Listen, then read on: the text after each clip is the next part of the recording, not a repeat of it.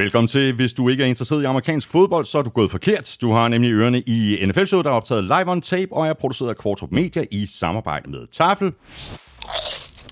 Og oddset fra Danske Licensspil.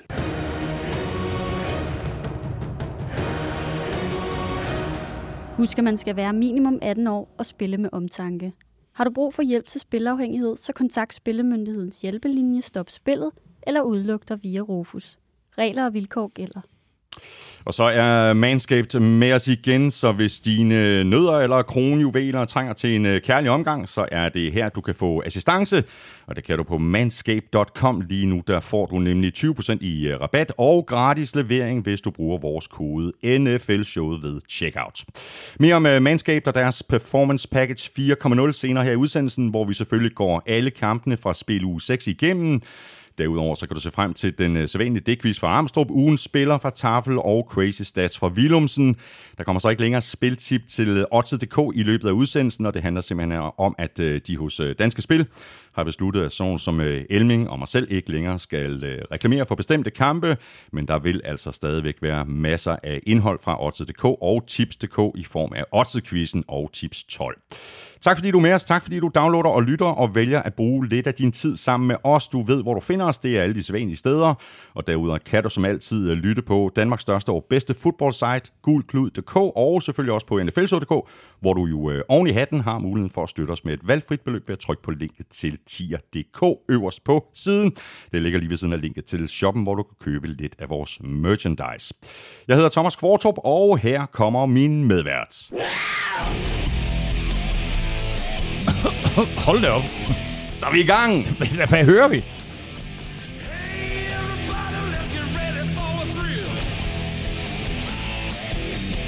Du kan næsten høre det, det er den lille missekat. Oh, Så kom lige på tavlen! det er for pokker. Som forudsagt jo.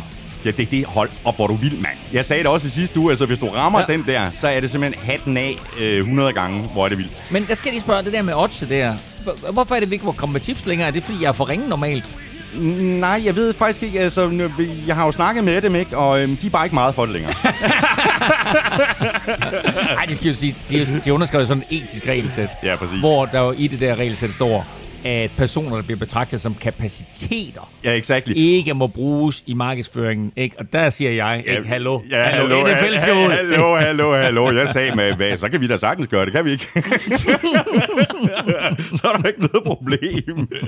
Nå, men Elming, du var et år sammen med Bror Manjever, øh, og hans søn. Øh, Ja, går fra, I havde en, øh, en fed tur, en god Vi havde, en super, vi havde en super, super fed tur, og øh, til vores øh, store fortrydelse, så opdagede vi ikke, at vi faktisk kom på storskærmen. Jeg tror, for Jesper og jeg, der er nok lidt lige meget, men, øh, men Adam, Jespers søn, han gik meget op i at komme på storskærmen, og vi var angiveligt på hele tre gange. øh, og det var måske fordi, at øh, der sad to øh, gråhårede herrer i hver sin Vikings-trøje, og så i midten, så sad der sådan en, en, en glad naiv 12-årig, 13-årig knægt, undskyld, Panthers outfit. I, i en Panthers outfit, ikke? øh, og de to hold mødtes jo øh, senere på aftenen. Øh, Og det gik jo præcis som det skulle heldigvis. Men, øh, men fed oplevelse, og som vi har talt om mange gange, så det her London show, det er jo ikke så meget en hjemmekamp. Øh, Nu var det Jacksonville, der havde hjemmebane i den her uge. I sidste uge var det Atlanta Falcons, men ikke så meget en hjemmekamp. Det er jo mere en, en NFL-fest, mm. hvor øh, alle 32 hold er repræsenteret. Både nye trøjer, men også gamle trøjer. Vi mødte sådan en, en, en familie, øh, midt 50'erne, 60'erne, som har været Chicago Bears-fans i mange år, som kom i en Dick Butkus-trøje, og en Mike Fedt. Singletary-trøje, Fedt, og en. Walter Payton-trøje. Så altså, det hele er der på en eller anden måde, og folk er der for at se fodbold og hygge sig med NFL, og så er det sådan set lidt lige meget, hvem der spiller. Jeg vil sige dog, at Jacksonville øh, og NFL har været enormt gode til at skabe en fanbase i London for Jacksonville Jaguars. Vi så rigtig, rigtig mange Jaguars-fans, og vi så på et tidspunkt fem venner kom gående sammen i hver sin Jaguars-trøje. Jeg så faktisk også en fyr i en Jaguars-trøje med en Dolphins-hat. Øh, så, så det, er, det er sådan lidt ikke, du ved, hvor man tænker, okay, jamen, altså, du ved, øh, hvem den vinder, du ved, så har jeg da den rigtige trøje på, eller et eller andet. Ikke? Øhm, men det, det, det har de været enormt gode til, øh, NFL, og på trods af det, så var der en lidt tam stemning i, langt, øh, i en stor del af kampen, simpelthen fordi kvaliteten på banen ikke mm. var god nok. Men til sidst, da vi så får den her fantastiske afgørelse, så var folk helt op og ringe, øh, og selvfølgelig stod vi der øh, og, og hyldede Trevor Lawrence. Præcis. Ikke den mest øh, velspillede kamp, men øh, den endte med at blive øh, rigtig spændende. Vi har hverken øh, trøjer eller hatte over i tafelsækken. Der er til gengæld nogle øh, andre lækkerier. Ja, ja, ja. Det er de små poser. Ah, der var lige en stor pose her. Det er de nye. Det er de nemlig. Og ved du hvad? Det var dem, der jeg troede med at, at spise for mig selv i sidste uge. Ja. Det gjorde jeg ikke. Jeg gemte den til dig. Er det rigtigt? Ja, det gjorde jeg. Med dag, så? Ja. Det er Tafel Peanut Butter Puffs. De står der. Så de er, er sygt gode. Oh, de her, de er sygt gode. Det, det, er, det er Green Bay Packers-posen. Og jeg er nødt til at sige, at det her det er den smukkeste kombination af gul og grøn, jeg kender til. Det er nemlig Super Crunch, cheddar, sour cream and onion. Virkelig, virkelig gode smag dem. Og så den sidste Spicy Chili Peanuts. Det, det er tre virkelig øh, gode nye varianter af Tafels produkter.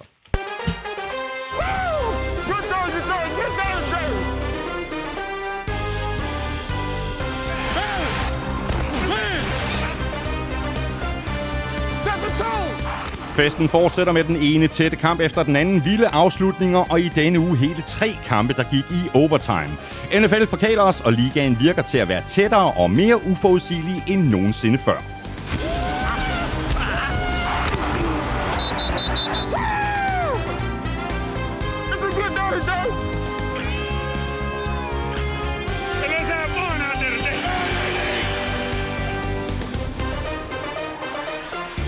Cardinals har stadig ikke tabt, Lions har stadig ikke vundet, Jaguars er på tavlen, og de fester i Jacksonville. Det gør de så ikke lige frem i Miami. Der er skuffelsen til at tage at føle på med en overraskende 1-5 records. Jeg hedder Thomas Kvartrup, og med mig har jeg Claus Elming.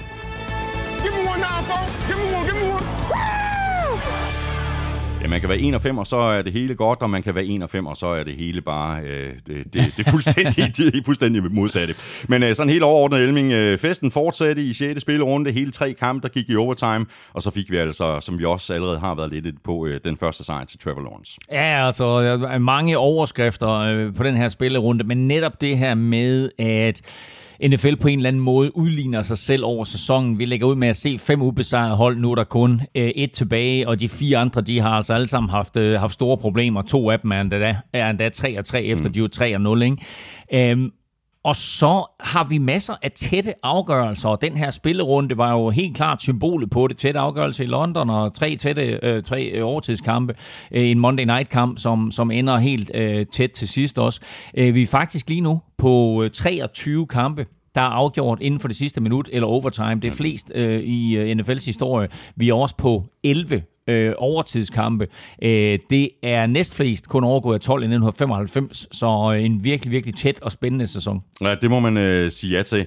Og øh, en, en anden ting, øh, som jeg har tænkt på, en af de ting, øh, som jeg synes, vi har set en del til i år, øh, også øh, mere end vi plejer umiddelbart, det er, at øh, holdene er blevet sådan mere offensive i forhold til at gå på den på fjerde down. Anders Erbo Hansen skriver til os, hvad sker der lige med at gå på den på fjerde down fra egen halvdel? Og nogle gange endda fra dybt i egen. Virker dybt godnat og som totalt respektløst for spillet, modstandernes forsvar og eget forsvar. Ja, men det er jo en ny trend, og det er jo alt sammen noget, der kommer ind med det her analytics, hvor man kigger på de matematiske og statistiske beregninger og sandsynlighed for, at man vinder ved at gå efter den på en given tidspunkt. Der er jo en ret berømt øh, high school træner, jeg kan ikke huske, hvad han hedder. Jeg kan faktisk heller ikke huske, hvor hans high school er. Men han har et princip med aldrig at ponte. Og så er det lige meget, om han står med fjerde down og 80 på sin egen linje. Øh, han ponder ikke. Øh, og det er simpelthen et spørgsmål, han siger, jamen prøv at høre, vi, vi kører alle angrebsserier til ende. Øh, og det er selvfølgelig ikke den strategi, som NFL kører med, men han har været meget succesfuld, den her high school træner. Hans high school har, har, har vundet et hav af kampe, og også et, et hav af, af øh, ja, statsmesterskaber og så videre. Med, og, og, og det er jo sådan lidt en udvikling af det princip. Og så efterhånden, som, som de her analyseafdelinger de får mere og mere indflydelse, så vil der blive flere og flere af de her situationer. Men altså for eksempel kampen i London bliver afgjort mm. på, at Brian, Brian Flores tager en vanvidsbeslutning der i slutningen af kampen og går på den på egen banehalvdel. Øh, det ender med, at Jaguars får bolden, og så er der rigtig, rigtig mange, især Miami-medier, der stiller spørgsmålstegn ved øh, Brian Flores' øh, intentioner, hans evne til mm. at være playcaller. Øh, så altså, når det går godt, så roser man jo træneren, når det går knap så godt. Så skælder man jo lidt ud, og når vi skal tale Monday Night Football lige om lidt, så kommer vi jo til en situation, ja, der bliver afgjort på en fjerde down. Ja, præcis. Så ved jeg ikke, om uh, Arizona Cardinals har haft deres uh, analyseafdeling indover. De har i hvert fald uh, lige lavet et uh, trade, uh, Zach Ertz til Cardinals. Og man må sige, at uh, Cardinals uh, bliver ved med at opruste, og det virker til, at de er forholdsvis meget all in. Jo, man sige, altså, og grunden til, at de selvfølgelig henter Zach Ertz, er det, fordi Max Williams egentlig har haft en fremragende start på sæsonen, er blevet skadet og sat på, på injured reserve, så de har brug for øh, noget hjælp på tight end. Vi har i lang tid vidst, at øh, Zach Ertz gerne vil væk fra Philadelphia. Alle hans venner, mere eller mindre, øh, er der ikke længere, øh, inklusiv øh, selvfølgelig Carson Wentz. Og Eagles vil egentlig også gerne af med ham, og vil gerne have noget for mm. ham. Så her opstår der pludselig en mulighed, hvor Eagles kan slippe af med ham, få et draft pick i stedet for. Ertz kan komme til en klub, der lige nu er ubesejret, og selvfølgelig er med i kampen om både slutspilspladser og Super Bowl. Og hvad jeg kalde dem, Cardinals, får en tight end, en, en position, hvor de har øh, behov for hjælp. Samtidig så var det her en situation, hvor Eagles jo spillede torsdag aften. Alle i Eagles vidste, hvad der skulle ske, mm. fordi Zach Ertz blev gjort til kaptajn, var kaptajn i sin sidste kamp for Eagles, som de sagde bagefter. Han skulle have en chance for lige at suck it all in. Mm. Altså lige opleve hele det der. Uh, så han vidste det godt. Uh, holdet vidste det godt. Jeg ved ikke, om alle, alle spillere var informeret om det, men uh, i hvert fald så var han godt klar over, hvad der ville ske. Fredag bliver han så traded. Og så tjekker jeg faktisk op på, om han så måtte spille for Cardinals om søndagen. Men der er der altså en regel om, at du må gerne spille for et andet hold, hvis du bliver traded i bye weeken. Det har vi jo set flere gange, for eksempel en Randy Moss for eksempel, der mens der kun var 16 kampe i grundspillet, jo spillede 17 kampe, fordi han blev traded fra Titans til Vikings i en spiluge, hvor der var... Øh, eller hvor der var fri uge, ikke? og så kom han til at spille i sin fri uge også. Men du kan altså ikke spille to kampe i den samme runde. Så Zach Ertz, han må vente med at komme på banen for Cardinals til næste uge. En anden spiller, der jo øh, blev traded for øh, ganske få uger siden, det er jo øh, Hjalte Froholt. Øh, han var inde igen for, for Browns. Det er altså øh, god tegn, at han kommer på banen. Ja, ja, det, det er stadigvæk øh, i går sådan kun på special teams, og jeg er lidt i tvivl om, hvorfor han angiveligt kun var inde på to spil. Øhm, Browns havde selvfølgelig både flere field goals og ekstra point øh, forsøg i den her kamp, men altså han var inde på, han var inde på de der to forsøg, og, øh, og det er fint. Øh, Browns har hentet hjælp ind på den offensive linje, både i den uge, hvor Hjalte var der, og også i den forgangne uge, øh, eller hvor Hjalte kom til, og så i den forgangne uge, og øh, han er stadigvæk en del af den aktive trup, ja, og det er præcis. vigtigt. Det er det, der er det vigtigste. Ja. Så har vi lige et øh, trøjenummer, som øh, aldrig kommer i spil igen for Washington. Sean Taylor har nemlig fået sit øh, nummer, nummer 21, pensioneret, og det er jo så en af de øh, allerstørste hedersbevisninger, man kan få som spiller. Ja, helt sikkert. Det tragisk historie med øh, Sean Taylor, som, som opdager et hjemmeindbrud. Øh, går ned, øh, eller også kommer de vist ind i soveværelset et eller andet, og han bliver skudt, øh, og bliver skudt i benet og dør af øh, simpelthen at forbløde. Ja. Øh, det er ikke sådan, at han bliver skudt i hjertet eller i hovedet eller noget, øh, men altså dør simpelthen af, af blodmangel, øh, blodtab. Og øh, Ja, hvad når han har spillet? Tre, tre hele sæsoner, ikke? Ja, sådan noget lignende. Men jeg synes lige, at hvis man sidder derude og ikke helt ved, øh, hvem Sean Taylor var, eller hvad han stod for, så gå lige ind og YouTube ham, for der ligger masser af highlight-klip med ham, og han er var øh, en helt igennem fantastisk spiller. Den gamle skole. Mm. Den hårde hitter, Præcis. men samtidig en spiller, der, der, der kunne intercepte bolden og lave store plays. Altså simpelthen bare det, man virkelig, virkelig forstod ved en safety i gamle dage. Det, jeg har en udfordring med, det er timingen af den her. Fordi vi har hele Gruden-sagaen, hvor han bliver fyret efter nogle e-mails, der er kommet frem og så videre. Hvor de e-mails kommer frem fra, de er kommet frem fra øh, en, øh, en e-mail-korrespondence mellem John Gruden og Bruce Allen, den tidligere Washington-chef. Øh, der er blandt andet nøgenvideoer af, af cheerleaders, der er nedladende øh, ord om både sorte og om homoseksuelle. Der er i det hele taget en stribe af e-mails her, som øh, aldrig nogensinde skulle have fundet sted. Øh, og sjovt nok, så har NFL jo i 600.000 andre mails ikke fundet noget som helst kompromitterende. Grunden til, at den her undersøgelse bliver iværksat, det er jo fordi, der er øh, mistanke om, at en ansat i lægestaben hos Washington har uddelt ulovlige stoffer til nogle af spillerne. Mm. Så bliver den her øh, undersøgelse iværksat, så finder man de her mails mellem John Gruden og, og, og Bruce Allen, så bliver John Gruden fyret. Washington, de står sådan lidt i endnu en penibel situation. Hvad gør man så? Hey, mm-hmm. Sean Taylor! vi pensionerer Sean Taylors trøje, så alle er glade, så det folk taler om, og så kan vi fejre ham, og så kan vi forhåbentlig få det her fejret ind under gulvtæppet. Ja, ja, præcis. Øh, Så det har jeg en lille bitte, et lille mm. problem med. Når det så er sagt, kæmpe ære selvfølgelig for Sean Taylor, ja. og vigtigt, at han bliver hedret på den måde. Vi skal have quizzen! Åh, Det er tid til quiz, quiz, quiz, quiz, quiz. Og den øh, trøje fra Sean Taylor var selvfølgelig blevet pensioneret på et eller andet tidspunkt under alle omstændigheder. Men nu øh, kom det så øh, nu, og som du også øh, siger, så var det øh, nok ikke helt tilfældigt øh, timet. Elming, nu skal vi have øh, quizzerne, og quizzerne de præsenteres jo i samarbejde med dem, der laver verdens bedste lakrids, nemlig Bagsvald Lakrids. La quiz. La quiz, oh la la. Jeg har en eller anden øh, lumsk øh, fornemmelse af, at øh, vi måske er ude i det samme spørgsmål. Overhovedet ikke. Nå, det, Nej, det, det lover Det kan jeg godt glemme Det, dig. det Okay, lover, okay, okay. Ej, jeg, kan ikke, jeg kan ikke love noget, fordi Am- Amstrup's øh, veje er jo uh, urensagelige. Men øh, hvis han har lavet den her quiz til dig, så, så, så øh, bliver jeg overrasket. Øh, jeg tror ikke, at øh, Jaguars kicker Matthew Wright får sin trøje trukket tilbage. det tvivler jeg også på. Men det burde han. Fordi han sparkede et 53-yard field goal ind i sidste sekund på Tottenham Hotspur Stadium, og dermed så vandt Jaguars sin første kamp. Uh, men hvor mange field goals har Jaguars lavet i sæsonen før det spark? Eller før kampen i London? Hvor, hvor Hvor mange? mange field goals Jaguars har lavet i sæsonen før det Før, field- før, før London-kampen. Hvor mange Jaguars, hvor mange Jaguars field goals er der scoret før London-kampen? Ja, det burde man jo selvfølgelig have fulgt øh, nøje øje med og lavet sådan øh, regnskab. Øh, Det Ja. kan være, at Lukas Williamson har et regnskab på. Det har han helt, det har han helt sikkert. Men det er et Nå, spørgsmål til dig. Jamen, det er godt. Can't do it. Så får du øh, Armstrongs øh, digtquiz. Øh, den lyder sådan her. Ekstra, ekstra, read all about it. Til alle jer, der sagde, I truly doubt it. I må altså tro det. No faking. Vi har en vaskeægte breaking. Den er god nok. Det er altså sandt. Jacksonville Jaguars, de vandt. Cowboys har kongen af pick 6. Hvis rekord nappede 20-knægten Trevor Dix. Dix har nu syv interceptions i sæsonens første seks kampe. Det har en spiller, faktisk en legende, mm. gjort før ham. Hvem? Hvor, hvor meget sagde du? Hvad, altså, jeg den igen. Hvad er spørgsmålet? Syv interceptions i sæsonens første seks kampe. Det ja. har en spiller gjort før. Hvilken spiller? Wow. Jeg har tjekket op på vanvittigt meget med Trevor Diggs og læst meget om ham og hans mange interceptions, og om det var en rekord og så videre og så videre. Lige nøjagtigt det her, I don't know. Nej, men så må du jo Ja. lige uh, sætte de små grå i, uh, i sving. Ja, okay, godt. Det er godt. Jamen, øh, vi vender tilbage til øh, quizzerne sidst i udsendelsen. Lige nu der tager vi hul på øh, kampen, og vi begynder Altså, er det en tangering, eller slog han om? Øh, sådan som jeg forstår det, så er det en tangering. Okay.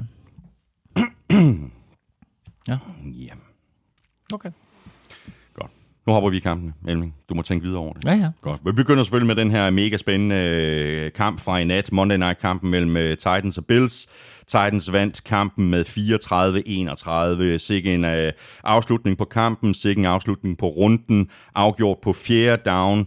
Derrick Henry øh, var selvfølgelig den helt store historie. Ham kan vi godt øh, krone igen. Som King- kampen, King Henry. Ja, som kampen spiller 20 løb for 143 yards og 3 touchdowns. Vanvittig fed kamp. Vanvittig fed kamp, men det sjove med sådan en som Derrick Henry, ikke, det er, at han har jo egentlig kun 4-5 gode løb. Han har sit lange 76 yard touchdown, og så en 3-4 mere. Men det er jo alle de andre, der gør ondt. Mm. Øh, et, fordi han selvfølgelig bliver sværere og sværere at takle, som, som kampen skrider frem, men jo også svær, og sværere at takle, øh, alt afhængig af, hvor han er på banen i forhold til forsvaret. Altså på den defensive linje, når han møder dem, ikke? Altså der er der jo spillere, som er, som er større end han er. Øh, på linebacker, der er det sådan nogenlunde lige. Der er nogen, der er større end ham, der er nogen, der er mindre, og der er nogen, der er samme størrelse. Men når han så kommer ned til, til de her øh, øh, små øh, gritty-nitty nips ting af cornerbacks og safeties, så er der ikke nogen af dem, der har lyst til at takle ham. Ikke De rigtigt. kigger lidt på hinanden og siger, "Kan- Du tager ham." Du tager ham, ja, nej. altså, så øh, plus, at han løber så vanvittigt stærkt, når han først... Altså, det tager lige lidt tid for ham at accelerere, men i det øjeblik, at han så er, er i, i full-blown sprint mode, altså så er der ikke mange på banen, der løber stærkere, Nej, end han gør. Og det ser man også på den der 76'er, fordi Bills har jo fuldstændig styr på ham, og så lige pludselig så breaker han et løb, og så scorer han touchdown. Bills foran 6-0 der, har, har stoppet øh, Titans hele vejen igennem. Et løb, bum, 76, så Titans foran. Ikke? Og sådan var det jo hele tiden i kampen, ikke? Og, og det er også det, der afgør kampen, fordi Bills er nødt til at bruge lidt kræfter mm. på at få stoppet ham, og så bliver der åben hister her, og når de så kommer ned omkring målen, så får Derrick Henry bolden, og så har han sådan en, en evne og en energi og en vilje og øh, et eller andet inde i ham, der bare siger, I stopper mig ikke. Nej, det gør jeg så- Men og du så- kan også se det på, på, på den måde, han løber på. Han løber simpelthen så hårdt. Ja, og, Ikke? og, det er bare, og det er fedt, det er på alle løb, det er brutalt. Ja, det er det virkelig. Øh. Jeg noterede mig faktisk, at han satte øh, rekord altså med, med bolden i, i hænderne, altså på det, på det, på det lange løb på, på 76 yarderen. Der er ikke nogen, der har løbet hurtigere med bolden i hænderne i år i NFL. Seriøst. Mm. Det er vildt, ikke? Altså, han vejer 110 kilo. Ja. Det er okay, det er helt crazy. Han er på vej mod 2.218 yards til sæsonen. Han får, hvad er det, han får 140 yards eller sådan noget i kampen her. Ikke? Det vil sige, at han er på vej nu, hvis man dividerer ud og siger, at hvis han holder det her snit, så er han på vej mod 2.218 yards til sæsonen. Det er selvfølgelig, øh, der, der så han slå rekorden. Den gamle rekord var jo øh, på 2105, eller den nuværende rekord er på, på 2105, er selvfølgelig sat på 16 kampe. Hvis man siger, at han kun havde 16 kampe at gøre godt med, så er han stadigvæk meget, meget tæt på rekorden, så er han på vej mod 2.088 yards. Han havde 2027 sidste år, og krydser han den der 2.000 yards grænse, så husk på, der er aldrig en spiller, der har løbet for 2.000 yards to gange i karrieren, og især ikke selvfølgelig, heller ikke af den årsag, to år i træk. Det er han altså øh, på vej mod at gøre nu her. Ja, det, det er vildt. Titans øh, virker til at være fuldstændig tilbage på sporet øh, efter det her nederlag i uge 1 til, øh, til Cardinals, og så det her noget overraskende nederlag i overtime i uge 4 til Jets. Øhm, vi skal ikke undervurdere det her Titans-mandskab, og fedt i øvrigt øh, Prøv, er, med det, deres... er det crazy? Så har Titans tabt til Jets, og Bills har tabt til Steelers. Og, altså, Ja, det er virkelig det er crazy. så, ikke, altså, Ja. Ja. Nå, men Ja. fedt. Det er det NFL i en nødskal. Ja, det er lækkert. det, ja, det er det fuldstændig. Ja. Og så, øvrigt, øh, så ved jeg ikke, om det, er- om, det er NFL øh, i en, i en nødskal, men øh, fedt under alle omstændigheder med, med Titans forsøg på at gentage det her legendariske spil, der er jo kendt som The Music City Miracle. Øh, Ja, og ja, nå, det, er jo, det er jo meget sjovt, at de forsøger det. Der er jo en enorm øh, lang historie mellem øh, Tennessee Titans, øh, som de hedder nu, og så Buffalo Bills. De to mandskaber kom jo ind i det gamle AFL sammen. Der var det jo Houston Oilers, som så siden blev til Tennessee Titans. Houston Oilers og Buffalo Bills, og de spillede mange drabelige opgør der i 1960'erne, øh, inden de så blev, øh, blev indlemmet i, øh, i NFL. Den mest kendte kamp mellem Oilers og Bills er selvfølgelig Frank Reichs vanvittige comeback øh, i 1993. Playoff-kamp. Øh, Oilers øh, kører øh, Bills med over er foran 35-3. Og så kommer han tilbage, Frank Reich, og vinder kampen øh, i overtime. Øh, I 1998, der flytter Titans, øh, eller der flytter Houston Oilers til Tennessee, hedder først Tennessee Oilers, og bliver så til Tennessee Titans. Øh, og der kommer der endnu et, et legendarisk historisk øjeblik, nemlig playoff-kampen i år 2000, hvor Bills kommer foran 16-15 med 16 sekunder igen. De har vundet, de skal videre, de er, kampen er overstået. Og så kommer det her spil, som du nævner, The Music City Miracle, hvor Frank Wycheck griber et kort kick-off. Bills forsøger, de vil ikke sparke den til returneren, så de kommer med et kort kick-off. Frank Wycheck, stor tight end, griber bolden. Man tænker, nå, men det er overstået. Og så kaster han den på tværs af banen til Kevin Dyson, som har sådan en hel hær af blokkere foran sig, løber ned, scorer touchdown. Titans vinder kampen, men kæmpe kontrovers. Var det her, var det et fremadrettet kast, eller var det ikke? Og det er jo blevet analyseret og, og, og kigget igennem på video, både den, dengang og nu og så videre, og den går vist nogenlunde på tværs af banen. Øh, den blev i hvert fald ikke kaldt som fremadrettet der, men så fik touchdown lov til at stå, og, og, og de vinder jo kampen og så videre. Her forsøgte Titans det samme igen, men øh, det gik ikke helt så godt. Øh, Chester Rogers øh, griber et punt øh, og kaster helt tydeligt bolden fremad til, til Chris ja. Jackson, og så er der selvfølgelig en penalty på det, men det er ikke tilfældigt, Nej. at de forsøger det, Det play det nem- her. det er det nemlig ikke? det, er, det, er, det er Mike Rabel, der har kaldt Ja, det her, så exakt. sagt, der er den her historik Ja. mellem Bills og Nu- Titans. nu så- prøver så, vi at gøre det så, igen. Så nu forsøger. Og så er det jo sindssygt tæt på en legendarisk afslutning i den her kamp, fordi Isaiah McKenzie jo, da Titans kommer foran til sidst i, i, i, i går, ikke? Isaiah McKenzie returnerer jo kickoffet. 101 yard til touchdown. Ikke? Altså, det havde jo simpelthen været perfekt afslutning, du ved, og sådan en reminder om, om hey, historikken mellem de her to hold fortsætter. Det bliver så desværre kaldt tilbage, mm. til, tilbage for holding. Ja. Øh, et andet spil, jeg lige vil fremhæve. som er meget sjovt også, som ikke har noget med de to hold at gøre sådan rent historisk. Det så du, så du Julio Jones' helmet catch. Ja, ja, ikke? ja. Det er jo også et historisk play, Ja, ja. ikke? Altså øh, øh, fra, fra Super Bowl 42, ikke? hvor David Tyree han griber det her helmet catch, som gør, at Giants de mere eller mindre vinder den Super Bowl. Ja, efter at Eli Manning er sluppet ud af en eller anden vanvittig takning, som... Fire, tror jeg.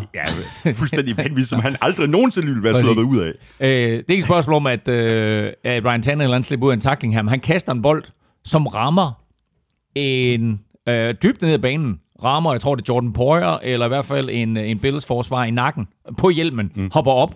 Julio Jones opfatter situationen, griber bolden, når for begge fødder indenfor. Fantastisk catch. Så øh, vi havde mange legendariske spil, der det. blev gentaget i den her kamp. Men øh, lad os lige holde os til, øh, til den her kamp mellem Titans og Bills, og øh, nu er vi her igen, øh, Elming. Vi er tilbage ved det gode gamle spørgsmål, om man skal tage point eller ej. Du plejer at sige, take the damn points. Så hvad siger du nu? Øh, var det dumt, eller var det i orden, at Bills gik efter den, og, og de forsøgte at vinde kampen?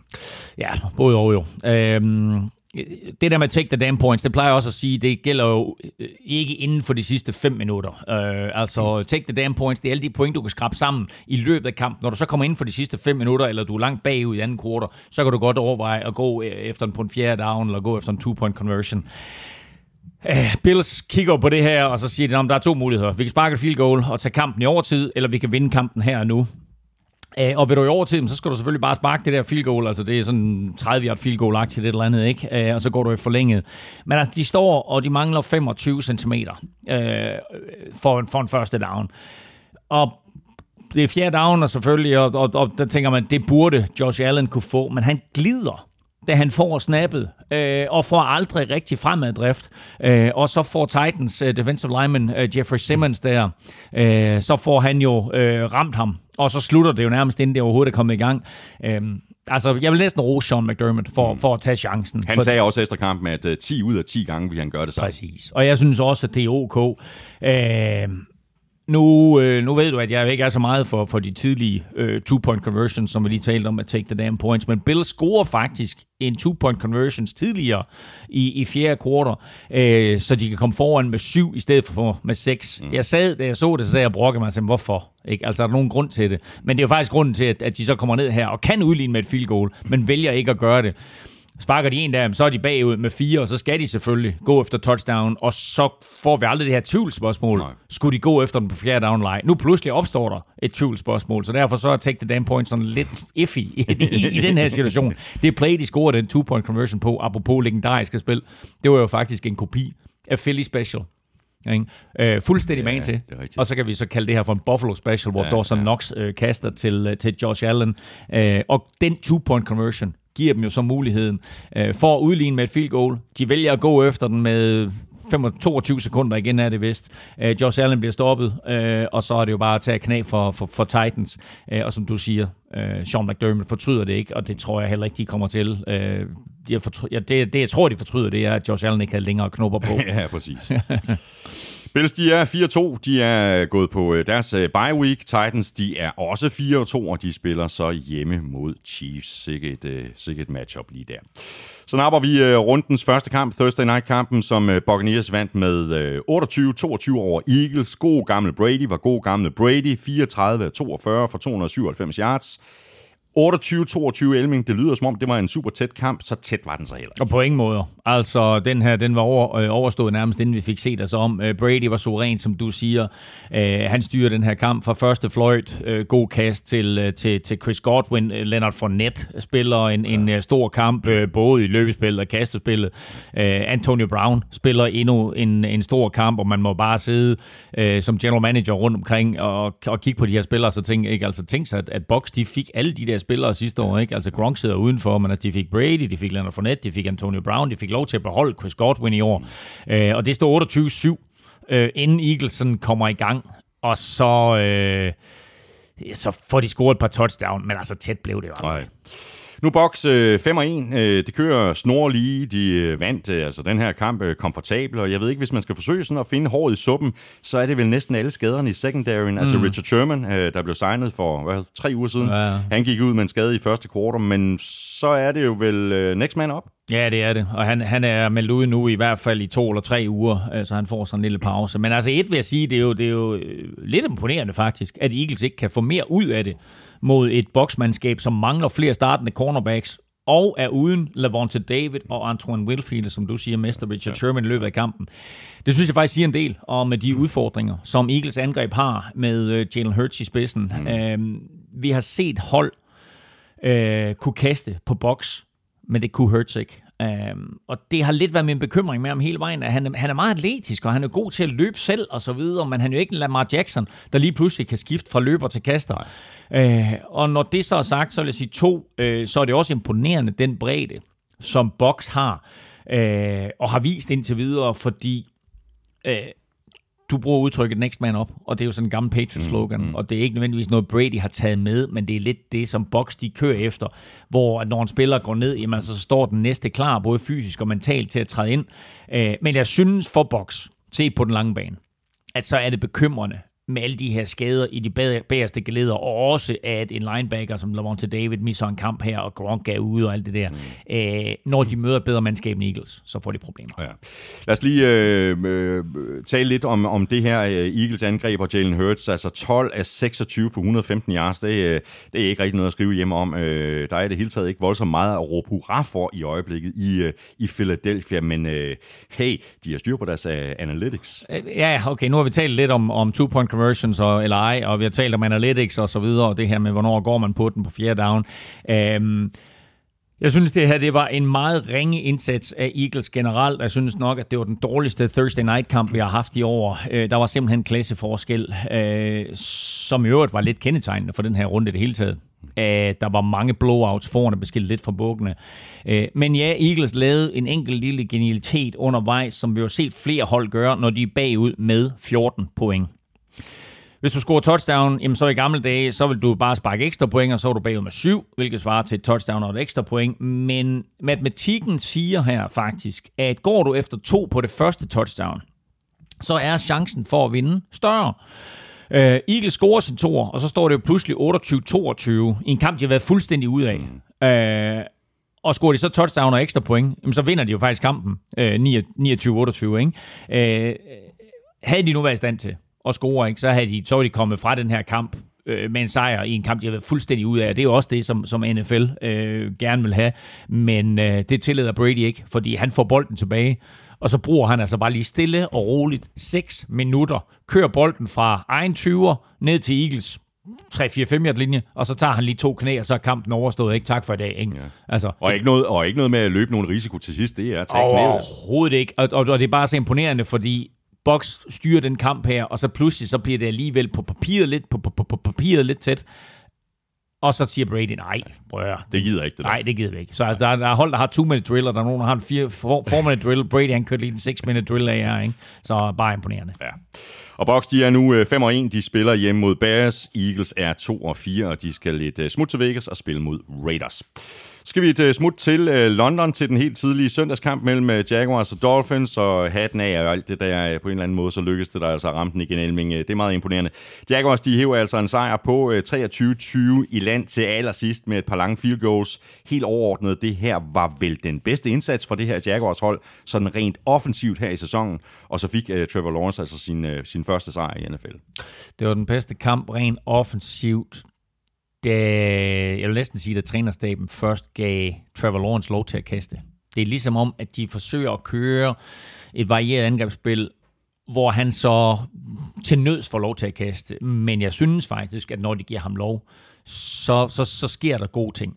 Han har stadigvæk nogle kast, og det kan vi komme tilbage til, som er sådan lidt, hvad skete der lige der? Men altså generelt vil jeg sige, øh, som jeg var inde på i starten også, super fedt at være i London, super fedt at opleve. Øh, nærmest som i parken, efter kampen er overstået, nærmest som i parken, så blev folk, så blev tilskuerne stående. Mm. Og ventede på, at Trevor Lawrence var færdig med sit tv-interview, og så kunne de hylde ham.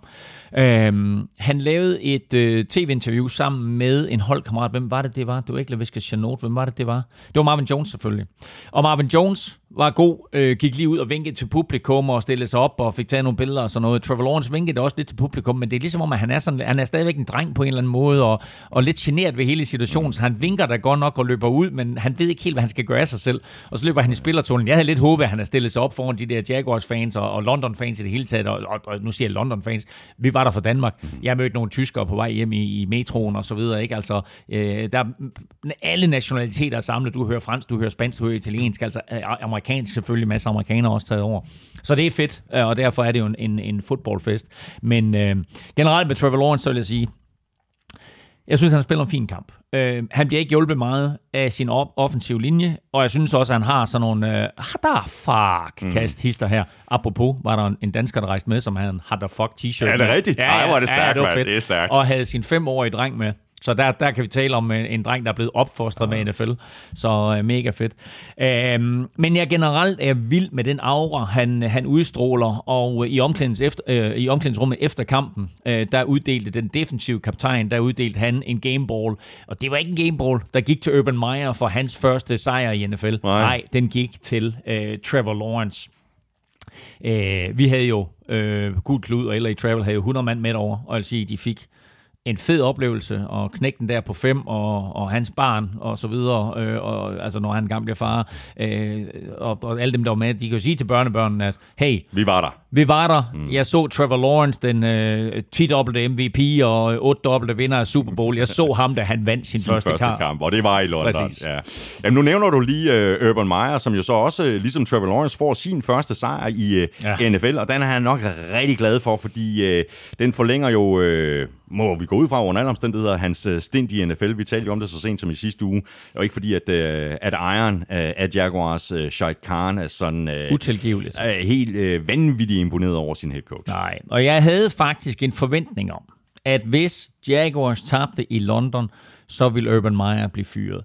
Jacks har en fri uge nu, så øh, altså efter, efter den her tur over øh, Atlanten, det er ganske, ganske få gange, vi har set hold rejse over Atlanten, og så ikke have en fri uge. Det er sket et par enkelte gange, hvor holdet selv har bedt om ikke nødvendigvis at få en fri uge. Men Jaguars, de har en fri uge nu, øh, og det vil jo så give dem to uger før de kørte en ny head coach ind. Øh, det vil sige, at de kunne nå at fyre Urban Meyer, og så lige give den nye head coach et par uger. Øh, men altså, nu bliver Urban Meyer siddende lidt endnu. Øh, men jeg vil sige, at det her Jaguars-mandskab overordnet set, så er det altså ikke særlig godt. Øh, Urban Meyer har ikke haft nogen synderlig effekt på det her mandskab. Man kan sige, talentmæssigt har han måske heller ikke det bedste at arbejde med. Deres forsvar er decideret elendigt. Og så laver de, og det er lidt coaching, så laver de alt for mange tåbelige penalties. Især det, man kan kalde mentale fejl eller procedurefejl. De har false start, de har øh, illegal motion. Og den værste, 12 mand i hotlen. Altså det er coaching lige så meget, som det er spillerne. Ja, det er det virkelig. Jaguars, de er altså 1 af 5. Øh, det er ikke det helt store chok. Øh, det er det til gengæld, Dolphins også er 1 af 5. Hvordan i alverden lykkes det Dolphins at tabe den her kamp? Og hvor presset er Brian Flores og Ja. Tua lige. Altså, og må ikke der er en enkelt Dolphins-fan eller to, og måske øh, endda nogen i, i Dolphins organisation, der godt måske kunne tænke sig at lave øh, deres øh, draft pick om fra, fra Tua til øh, Justin Herbert. Uh, uh, den, der, den der skal vi ikke komme ind på med tur for Justin Herbert. Eller det, det kan vi godt, men altså... Men okay, det er også set i det, det, det, er en bakspejlet, anden- det er det, er en anden- det er en anden diskussion. Nå, Ja. nej, jamen, jeg har det sådan lidt... Jeg har det sådan lidt, at alle taler om, hvorfor tog Dolphins ikke Tua, øh, hvorfor tog de ikke Justin Herbert i stedet for Tua? Jeg har det sådan lidt, øh, Lions draftede træer. Ikke? De tog Jeffrey Okuda, cornerback. Hvorfor tog de ikke Justin Herbert? Ja, men, det, men, det, det, Men det er også fordi, vi sidder og, og, og, og kigger på det i bagspejlet. Ja, ja, ikke? nå, nå, ja det, og det gør vi. Øh, og det er klart, ikke? Altså, der var en grund til, at der var nogen, som de fleste havde vurderet Tua over Justin Herbert, mm. og Joe Burrow over Justin Herbert, ja. øh, og Jeffrey Kuda. Øh, men altså, det, sammenligningen er altid Dolphins, fordi de tog en quarterback. Men altså, Lions tog en corner, som har været skadet det meste af sin NFL-karriere, som vi har talt om her i NFL-showet. Næppe ser banen igen for Lions. Måske gør han til næste år, men ellers er, han mere eller mindre færdig i Lions, og måske endda i NFL. Ikke? Der kunne Lions altså sikre sig frem til med Justin Herbert. Det er en helt, helt anden snak. Hvorfor, eller hvordan Dolphins taber den her kamp, det har jeg ingen anelse om, og det ved kun guderne, og så til dels uh, Brian Flores. Um, vi talte om Urban Meyer, mm-hmm. der var lidt, ikke, ikke af kridthuset, det er Brian Flores skulle heller ikke. Fantastisk uh, sidste år, ikke? Uh, men, men altså i år, der er et eller andet helt galt. Og det værste del, det er, Dolphins har jo den her kamp fuldstændig under kontrol. De styrer hele første halvleg. De flytter bolden, som de vil. Øh, men jeg synes, de får en meget afgørende holding penalty på et tidspunkt, hvor de kan komme foran 14-0. I stedet for så bliver det kun, nej, de kommer foran 14-3, øh, og i stedet for så bliver det kun 10-3, fordi de må nøjes med et, et field goal, så kommer det på 13-3. Og så lidt out of nowhere, så kaster Trevor Lawrence jo den her suveræn lækre dybe bold til Marvin Jones. Touchdown. Og så står det pludselig 13-3 ved pausen. Og der sad jeg og tænkte, okay, altså Dolphins skulle have været foran med mindst 10 eller 15 point. Mm. Øh, men Jaguars er pludselig kun bagud med 3, og så går man altså ind i omklædningsrummet med, med en helt anden følelse. Øh, Jan Halleje, øh, kører Dolphins, øh, kører, øh, kører øh, Jaguars igen, øh, så fumbler Trevor Lawrence, og så tænker man, wow, det var lige det momentum, som Dolphins havde brug for. Så kommer Tua ud, kaster en rædderlig interception på plæd lige bagefter, og så er alt momentum igen tilbage hos Jaguars. Øh, men altså, som jeg sagde før, Jaguars forsvar kunne ikke stoppe noget. Nej. Noget som helst, vil jeg sige, øh, hele dagen. Øh, og så lykkedes det dem alligevel til sidst, da Dolphins går efter den på fjerde down, og en på egen banehalvdel, så lykkedes det dem jo at stoffe det løb og sige, okay, altså vi, vi har brug for at lave et stort spil hele dagen, og det kom her. Og så får Jaguars bolden tilbage, og så formår de jo på en eller anden måde at tabe jer. De får en kæmpe gave her. Og så formår de jo at tabe jer, så er nærmest ude af field goal afstand. For lige kørt et, et vanvittigt play, hvor de får 10 yards til et eller andet. Hurtigt timeout, et sekund tilbage. Matthew Wright ind, 53'er, bum, Jaguars vinder i London. Første sejr. Elming streak fortsætter. Ja, lige præcis. Og jeg sidder, jeg sidder lige præcis. Det her det er så omvendt af, af Elming curse. Det, det er jo det glade vanvid. Nå, Jacks, de er 1 og 5. De er gået på bye week. Øh, Dolphins, de er også 1 og 5, og de spiller hjemme mod Falcons. Så bare lige en, en sidenote. Jeg kan også se, at uh, du har, har en, en ja. ting mere. Uh, jeg kan godt forestille mig, at der sidder nogen i Philadelphia og, og, og glæder sig lidt i øjeblikket. De har jo Dolphins første rundevalg. Ja, det har de. Det kan godt gå hen og blive højt. Ja, det, det kan godt gå hen og blive højt. Og apropos Dolphins og Eagles, så har vi jo nu talt om, om begge mandskaber. Øh, ingen af begge mandskaber taber, og vi må også sige, at de har jo begge to øh, to tidligere Alabama quarterbacks øh, lige nu. Øh, Jalen Hurts hos Eagles, Tua Tagovailoa hos øh, Dolphins. Men ingen af dem har jo på nogen måde bevist, at de er fremtiden på deres respektive hold. Og lige om hjørnet, der venter NFL's trade deadline, og ham der, det er Sean Watson. Eagles og Dolphins er begge nævnt i den sammenhæng. Det er Panthers også. Øhm, og så er spørgsmålet bare om tålmodigheden med Hurts, Tua og til dels Sam Darnold øh, løber ud. Hvor hurtigt den løber ud, og hvad de er villige til at trade for det, altså hvor meget de er villige til at give for det Sean Watson. Der er en stor kontrakt, de skal overtage. Det burde ikke være noget problem øh, for hverken Panthers eller øh, eller Dolphins. Jeg tror, det er en lidt større udfordring for Eagles.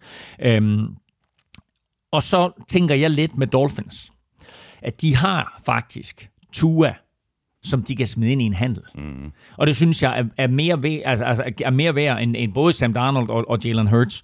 Fordi Tua trods alt stadigvæk har en eller anden form for potentiale, og jeg synes, han spiller en forrygende halvanden første quarter. Og så går han helt kold.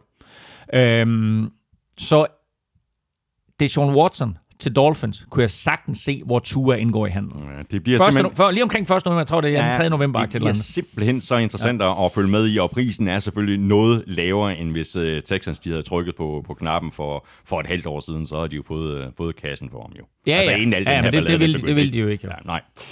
Og så videre til øh, en øh, kamp, som øh, vi vel i virkeligheden kan overstå rimelig hurtigt. Rams, de er gode, det er Giants ikke. Øh, tak for i aften. Øh, nej, Rams, de vandt i New York med 38, 11, 28 point på tavlen alene i andet kvartal. Fuldstændig overlegen sejr, og Rams, de er nu 5 1. Ja, Giants var foran. Og man tænkte, at det bliver spændende som alle mulige andre kampe i NFL. Og så, tænkte, og så tænkte Matthew Stafford, at jeg skal sgu tidligt i bad. øh, altså prøv at høre, Matthew Stafford, hvad spiller han? Spiller han to og en halv, tre kvarter sagt? Altså han spiller selvfølgelig første kvarter, men han er næsten ikke inde i første kvarter. Hans anden kvarter og hans tredje kvarter, overlænt, suverænt, øh, altså, og, og, og det afgør kampen. Og så er der en lille fun fact, som jeg lader mærke til, øh, eller ikke som jeg lader mærke til, jeg bliver bare opmærksom på den. Og det er, hvad, hvad, 38-11 ender den, ikke?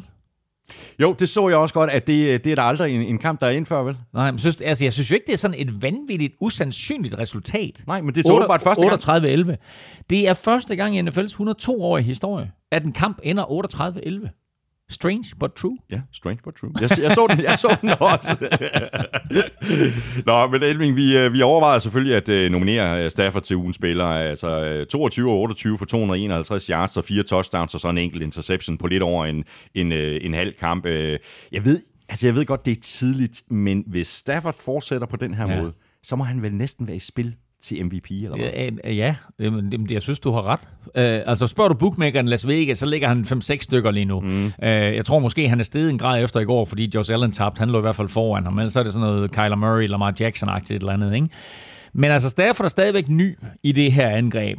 Øh, og der er stadigvæk øh, ting og, og facetter i det her angreb, som Sean McVay han kommer på løbende, og som, som Stafford skal lære. Men fortsætter han i det tempo, som, som han er startet med, øh, og, og, og udbygger de, altså så er der ingen grænser for, hvor vildt det her angreb det kan blive, og, og hvor vildt Matthew Stafford kan blive. Han kaster fire touchdowns i den her kamp, sådan uden rigtig anstrengelser. Øh, og så har han jo også kigget øh, Mikkel Hansen og, og Patrick Mahomes lidt i kortene med, med sådan et no-look pass, mm, altså sådan en, mm. uh, en kig væk finde der. Så du den? Jeg så hvor han kigger direkte ned ja. igennem midten af banen, og så kaster på tværs af kroppen til venstre. Øh, fuldstændig no-no. Men øh, det lykkes, som mere eller mindre alt jo gør for Stafford i øjeblikket. Ja. Der er til gengæld ikke ret meget at grine af i New York i år, heller ikke i år, fristes til at sige. Jeg tvivler på, at Joe Judge overlever som head coach. Øh, det virker til at blive øh, dårligere og dårligere, det her. Og mm. det her var nærmest deres øh, ringeste kamp i år. Indspark her fra Christian Norbæk skriver sådan her. Jeg skrev for et par uger siden, at Giants var elendige. Der var Claus ikke helt enig. Hvor elendigt skal det blive, før Claus indrømmer, at Giants er dårlige? Jeg indrømmer, at, at, at Giants er dårlige. Jeg synes ikke, at, at, at, at de har været så ringe, som, som de var i den her kamp. Jeg synes egentlig, de har spillet godt. Øh, jeg synes, at der har været positive elementer. Jeg synes også, at de har gået vundet øh, to-tre kampe mere, end de har gjort. Men her, der bliver de kørt midt over. Det hjælper selvfølgelig ikke at øh, de er skadespladet både på angreb og forsvar og mangler et par store profiler. Uh, Saquon Barkley og Kenny Golladay er ude med flere. Uh, så her der kunne de simpelthen ikke øh, følge med i det tempo der, som, som Stafford og, og Rams de leverede point. Men det er klart, at når du er 1-5, så er det bare ikke nogen god sæson. Øhm, har du været 3 3 der er mange hold lige nu, der er 3 3 og er lykkelige for det, og føler, at de stadigvæk er med i kampen. Der er lidt lang vej hjem for Giants nu. Altså, nu, er, nu er grundspillet jo 17 kampe i år, men altså stadigvæk 1-5. Det er bare en virkelig, virkelig skidt start. Øhm, og øh, det er der, hvor når man har chancen i NFL, så skal man vinde kampene. Fordi det der med at sige, ah, du er ærgerligt, vi gør det, så gør vi det næste uge i stedet for. Ikke? Du skal simpelthen vinde de der kampe, og jeg kan huske, vi talte om det i sidste uge, eller hvad forrige uge. Jeg sagde om det der omkring Ravens at med Lamar Jackson og Justin Tucker, der giver de sig selv chancen for at vinde hver evig eneste uge. Og det er bare øh, grunden til, at de nu er 5 og 1. Giants, de har smidt nogle kampe, og så er de 1 og 5, og det betyder ikke nødvendigvis, at de har været elendige. Men, men det er de. Men det er de. ja, Giants de er altså 1 og 5, og de spiller hjemme mod Panthers. Øh, det bliver heller ikke nogen nem kamp for dem. Og Rams de er 5 og 1, og de får besøg af Lions, det er en lidt øh, nemmere kamp øh, for Rams, kan man vist roligt sige. Fra det ene blowout til det næste, Colts de vandt hjemme med 31-3 over Texans, og jeg fristes næsten til at sige, at Colts er gode, og det er Texans ikke. Men øh, under alle omstændigheder så en øh, super vigtig sejr her for Colts ugen efter et nederlag til øh, Ravens, der jo øh, stadigvæk øh, sikkert øh, gør rigtig ondt. Det her det var en mm. must-win-kamp. Nu er Colts så 2 og 4, og der var heller ikke så meget rafler om. Alt andet end en sejr vil ikke blive godtaget. Nej, det er klart. Altså det, det, det her det var sidste udkald for øh, Colts, og de leverede, Carson Wentz leverede sindssygt vigtig sejr, især fordi Titans jo lidt overraskende besejrer Bills. Øh, havde Titans nu tabt den kamp, jamen, altså, så er divisionen sådan set været, været ret tæt, øh, og derfor så var det selvfølgelig vigtigt for Colts at vinde den her kamp, så de trods alt stadigvæk holder trit ja. med førstepladsen øh, i AFC South. Øh, og så gjorde de det jo på en overbevisende måde, hvor de jo både øh, tanker en masse selvtillid, øh, og måske også får det der tåbelige nederlag øh, til Ravens lidt på afstand. Øh, og det er også vigtigt inden øh, et kampprogram nu her, som byder på 49ers, og så Titans mm. ugen efter. Mm. Altså en must-win-kamp der mod Titans. Så når man ser ja. den måde, Titans de spiller lige op med at besejre øh, Bills på, så kan man jo godt blive lidt bekymret øh, for den. De har mødtes allerede en gang i mm. sæsonen, hvor Titans jo vandt 25-16. Øh, men kan Cole snap den der sejr over, over Titans, så er de jo helt tilbage mm. øh, i, i divisionen. Øh, og jeg vil da sige, at på den måde, som de spiller her, Coles, der er der faktisk forhåbninger, både for den kamp og for resten af sæsonen. Ja. Og så en uh, super kamp af Jonathan Taylor. Uh, ham skal de bare give bolden til på angrebet. Men det er så også godt at se uh, T.Y. Hilton tilbage. Ja, bestemt. Måske ikke helt som den uh, sådan gamle T.Y. Hilton, men mindre kan så også gøre det, og han, han så godt ud. Han så godt ud, altså hvis du ser på det sådan uh, i, i, histori- i, i, historisk sammenhæng. Uh, hvad sker der for de der? jeg sidder også lige her. men du slap godt fra at sige South. Ja, South. Jamen, det, er, altså, det, det er virkelig ærgerligt, at Arthur Smith han ikke er. Jamen, det er han jo. Han er i NFC South. Nå, anyway. Hvis du ser på det i historisk sammenhæng, så, så er der selvfølgelig to receiver i Colts sammenhæng, som, som overskygger alle, Marvin Harrison og Richie Wayne. Men det er jo lige ved, at T.Y. Hilton han er nummer tre på den liste. Mm. Og her efter at have set ude øh, i sæsonen med, med en skade, så kommer han tilbage.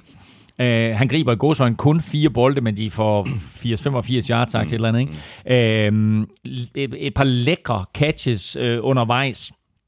Uh, og uh, vigtigt også for Carsten Wentz at se, at T.Y. Hilton er tilbage, og se, at når jeg kaster bolden det rigtige sted, jamen så laver T.Y. Hilton catchet, og det gør han. Øh, jeg synes også, Wentz spiller bedre. Jeg synes, han har en bedre boldplacering. Jeg synes, han har bedre fart på boldene.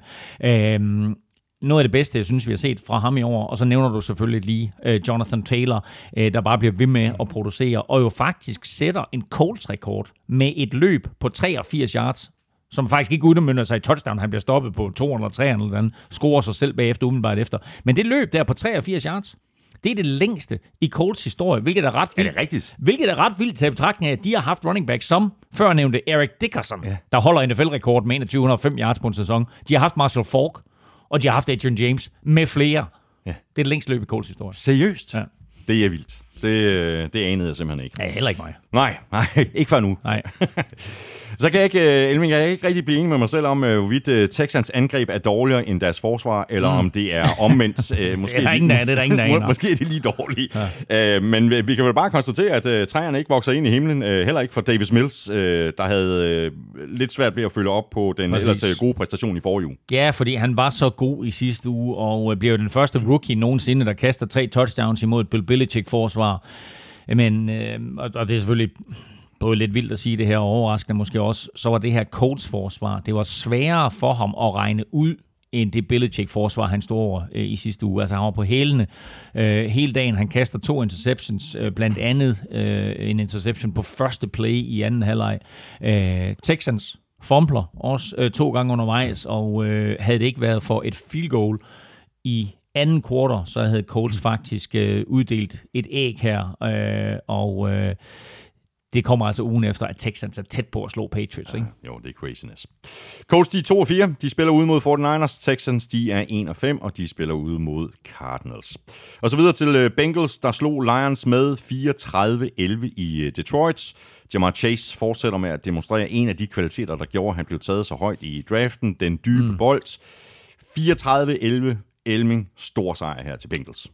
Og udover det der med den dybe bold, så sprinter han også ned ad banen og lægger en blokering på et touchdown, øh, hvor du ved, det er ikke sådan noget med, at du ved, han bare er pretty boy, som griber sin bold og så siger, hey, se mig. Han hjælper sine holdkammerater. Han har en masse fede kvaliteter, den her knægt. Han er lige nu frontrunner til at blive uh, Offensive Rookie of the Year, så må vi se, om han kan holde tempoet op. Uh, Lions kunne i hvert fald ikke holde tempoet op, fordi uh, både Bengals og Lions uh, har jo spillet mange tætte kampe i år, uh, og flere, begge, begge været i, i flere overtidsafgørelser, uh, eller tabt eller vundet i sidste sekund. Lions har så kun tabt. Øhm, men her i den her kamp, der var Bengals totalt overlegne. Øh, og øh, jeg så kampen på en, øh, på en sportsbar i London. Og der klappede Lions, da, eller der klappede, øh, hvad hedder det, publikum på den der sportsbar, da Lions de sparkede et field goal.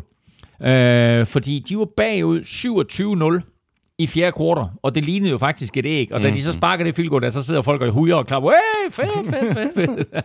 Øh, det bliver også 34-7, så total Bengals øh, dominans, øh, eller 34-3, inden, øh, inden Lions de så får scoret et sent øh, garbage time touchdown. Øh, skuffende Alliance, men virkelig, virkelig opløftende for Bengals. Ja, og nu er Bengals 4-2. Øh, de er kun en enkelt kamp efter Ravens i divisionen. En kamp foran både Steelers og Browns. Mm det er vel i virkeligheden allerede i år, at vi skal til at tage Bengals alvorligt, og måske øh, skal vi også revurdere vores øh, kritik af head coach Zach Taylor. Virker til, at der er ved at komme styr på øh, genopbygningen i Cincinnati. Øh, spørgsmålet er så bare, hvor grænsen går for det her Bengals-mandskab i år. Der er mange Bengals-fans, som har ønsket Zach Taylors hoved på et fad i lang, lang tid, og jeg tror, det er sådan, at de vil at køre Kermit-finten lige nu med munden der. ja, for de slipper ikke af med ham, hvis, altså, de fortsætter med at spille nej, sådan her. Og, og, og spørgsmålet er, du ved, altså, at, at er, er, det, er det hans projekt, der har taget lidt tid, eller, eller har, han, har han fået nok talent ind i truppen nu, som gør, at de, at de rent faktisk øh, er konkurrencedygtige, ja, eller, eller ja. har de bare lige været heldige at vinde fire kampe her, øh, og, og ender så med at, at gå 4 og 13? Øh, jeg synes faktisk, at det begynder at ligne noget for Bengals. Mm. Deres forsvar spiller overraskende godt, øh, og Joe Burrow bliver mere og mere komfortabel. Øh, han fordeler bolden fint øh, i søndags, der rammer otte forskellige receiver, inklusiv øh, Joe Mixon, running backen, jo, der spiller en, en øh, stor kamp og har samlet over 150 yards og touchdown. Og når alle enheder fungerer på den her måde her, så kan jeg jo godt forstå, at der er Bengals-fans, som jo faktisk på trods af Zach Taylor drømmer om playoffs. Øh, men nu møder de Ravens, på søndag. Mm. Og så får vi jo sådan en syn for savn for, hvor de står. Øh, både i AFC, men jo især i, i, i divisionen af AFC North, hvor de begge to hører hjemme. Ja, Ravens er en lidt større opgave end, uh, end Lions var. Må man sige. Det her Lions... På, men, men når, når det så er sagt, ikke? Ravens slår Lions på et 66-yard field goal, ikke? Jo. Ja. NFL i en nødskab. Ja. Det her Lions-angreb, øh, det, er ikke, øh, det er ikke imponerende. Uh, receiveren, de kan ikke løbe sig ordentligt i position. Løbespillet er heller ikke noget at råbe for, og det hjælper selvfølgelig heller ikke Jared Goff specielt meget, at det er sådan. Men Goff har måske også selv en del af skylden, og head coach Dan Campbell, han kritiserede Goff efter kampen. Ja. Er det sådan lidt, uh, døden skal have en årsag, kritik, eller er det virkelig Goff, der er det største problem? Jeg vil sige, Goff er et af problemerne, men jeg var lidt overrasket over, hvor skarp Dan Campbell var ja. i sin retorik øh, efter kampen, og han lagde ikke fingrene imellem, Nej, og smed jo, smed jo faktisk Jared Goff ind under bussen, ikke mm. én gang, men to gange. Øh, først så sagde han, at man kunne godt tillade sig at forvente mere fra Goff, øh, og derefter sagde han så, at Goff skulle yde noget mere, ligesom resten af truppen. Mm. Og den sidste der, den tænker jeg, Øh, så skal vi ikke bare, skal vi ikke bare sige, at øh, vedbrudsdagene, de er, de, oh. de er overstået nu, ikke? Um, så det handler jo simpelthen om hans øh, indsats i, øh, i løbet af ugen, og ikke nødvendigvis så meget i løbet af kampen. Øh, ja, jo, ja, ja det, det, det kan jeg ikke vurdere. Det har jeg ikke lige tænkt over, men det er da, det er da en god pointe. Øh, jeg kan heller ikke vurdere, om det er den her kamp udelukkende, det drejer sig om, eller det er set over hele sæsonen. Og der kunne man også godt forestille sig, at det har noget med træning at gøre. Det kunne man kan forestille sig, at det er noget med, hvor tidligt møder han ind, ved, hvor meget forbereder han ja. sig, etc. etc. Ja. Ikke? Så, så der kan ligge mange ting i det her, men altså det var... Og det var vildt, fordi jeg har hørt det der interview, og han siger, han siger nogenlunde sådan her, Dan Campbell. Jeg skal ikke stå og give nogen spillere skylden. Men? Ja, og så kommer der en vanvittig lang pause. Men, og så kommer det her ikke om golf, hvor jeg bare tænker, okay. Mm. Ikke? Altså han står lige og tager en dyb inding og tænker, okay, hvad skal jeg helt præcis sige, og skal jeg sige det? Ja. Og så smider han den under bussen, ikke? Altså, så det, det, det, det er lidt vildt det der, og derfor så tænker jeg også lidt, at øh, jeg tror ikke Lions er i spil i den der Deshaun Watson ting, men de ved, at det er sådan, at de har en masse draft picks at gøre godt med de kan mere eller mindre styre draften til næste år. De kan trade lige så højt op, som de vil. Det kan også være, nu, nu er det det sidste hold uden sejr i NFL i år, så det kan også være, at de ender med at få draft pick nummer et. Mm-hmm. Øh, og så kan de jo stille og roligt begynde at fokusere på og forberede sig på, hvad er det for en quarterback, vi gerne vil have. For jeg forestiller mig ikke, at nu her efter et par drafts, hvor de har haft høje draft picks, hvor de har taget Jeffrey Okuda og så Penny Sewell, der forestiller mig ikke, at de går fra den næste draft uden fremtidens quarterback. Det tror jeg, du er fuldstændig Og så kan de jo et stå og banke hovedet ind i den ja. væg, der er på Fort Field. Øh, der er sådan en murstensvæg på Fort Field, som er tilbage fra, fra det gamle, der er sådan noget, et eller andet gammelt øh, handelsdistrikt, og der står en mur stadigvæk inde på Fort Field, så man kan se bagsiden af den mur der. Der kan de stå og banke hovedet ind i den mur, og så er også over, at de ikke tog Justin Herbert mm, sidste år. Ja, præcis. Lions, de er indiskutabelt 0-6 øh, lige nu. De spiller altså ude mod Rams. Bengals, de er 4-2, og de skal øh, til Baltimore og spille mod Ravens. Og så lukker vi den her øh, del af udsendelsen med Raiders sejr på 34-24 ud over Broncos, og de irriterer mig helt vildt, at jeg ikke tog Raiders i picks. Jeg tænkte på det, fordi det her... Hvorfor det var der ikke nogen af os, der gjorde det? Det her, det var sådan det helt klassiske ja. eksempel på, at spillerne de reagerer positivt på en trænerfyring. Det virker nærmest som om, at spillerne de brugte Grudens ja. fyring som sådan benzin. Præcis, og det var Derek Carr også ude og sige efter kampen, at de ville ikke lade sig kue af situationen, men tværtimod havde brugt hele den her John Gruden-fyring som øh, løftestang imponerende også, at så mange spillere på trods af den her meget prekære situation, jo har været ude og udtrykt deres begejstring og støtte til John Gruden, mm. hvor de har sagt, personmæssigt, trænermæssigt, fantastisk mand, selvfølgelig skulle de her ting og de her mails ikke være sket. Øh, Carr har også været ude og sige, øh, jeg tror, at hvis man kigger i vores allesammens mailkorrespondence igennem igennem tiden, så vil vi alle sammen ryge lidt i problemer. Mm. Så øh, på den måde, der er der støtte øh, til øh, Gruden, men selvfølgelig også en eller anden form for afstandtagen, fordi det er man nødt til øh, in, in this day and age, hvor shitstorms de kan komme out of nowhere. Øh, og jeg taler af personlig erfaring. øh, den nye head coach er jo den tidligere assisterende head coach og special teams træner øh, Rick Besacci, som fik stor ros efter kampen. Ja. Øh, Carr, synes jeg, spiller en god kamp og leverer, og det synes jeg faktisk også, at resten af Raiders mandskab gjorde her. Ja, og så lykkedes de jo øh, rent faktisk øh, med at gøre noget, som de ikke gjorde specielt til tit under Gruden, nemlig at score på deres øh, første drive. Det er godt spottet. Um, og der uh, må vi rose Raiders offensive coordinator Greg Olson ikke den Greg Olson, altså ikke tight end mm. Greg Olson, han hedder Greg Olson med, med to ord i Olson. Øh, men vi roser Greg Olson, fordi øh, han havde overtaget ansvaret for øh, de offensive spilkald. Det hang jo på Gruden før.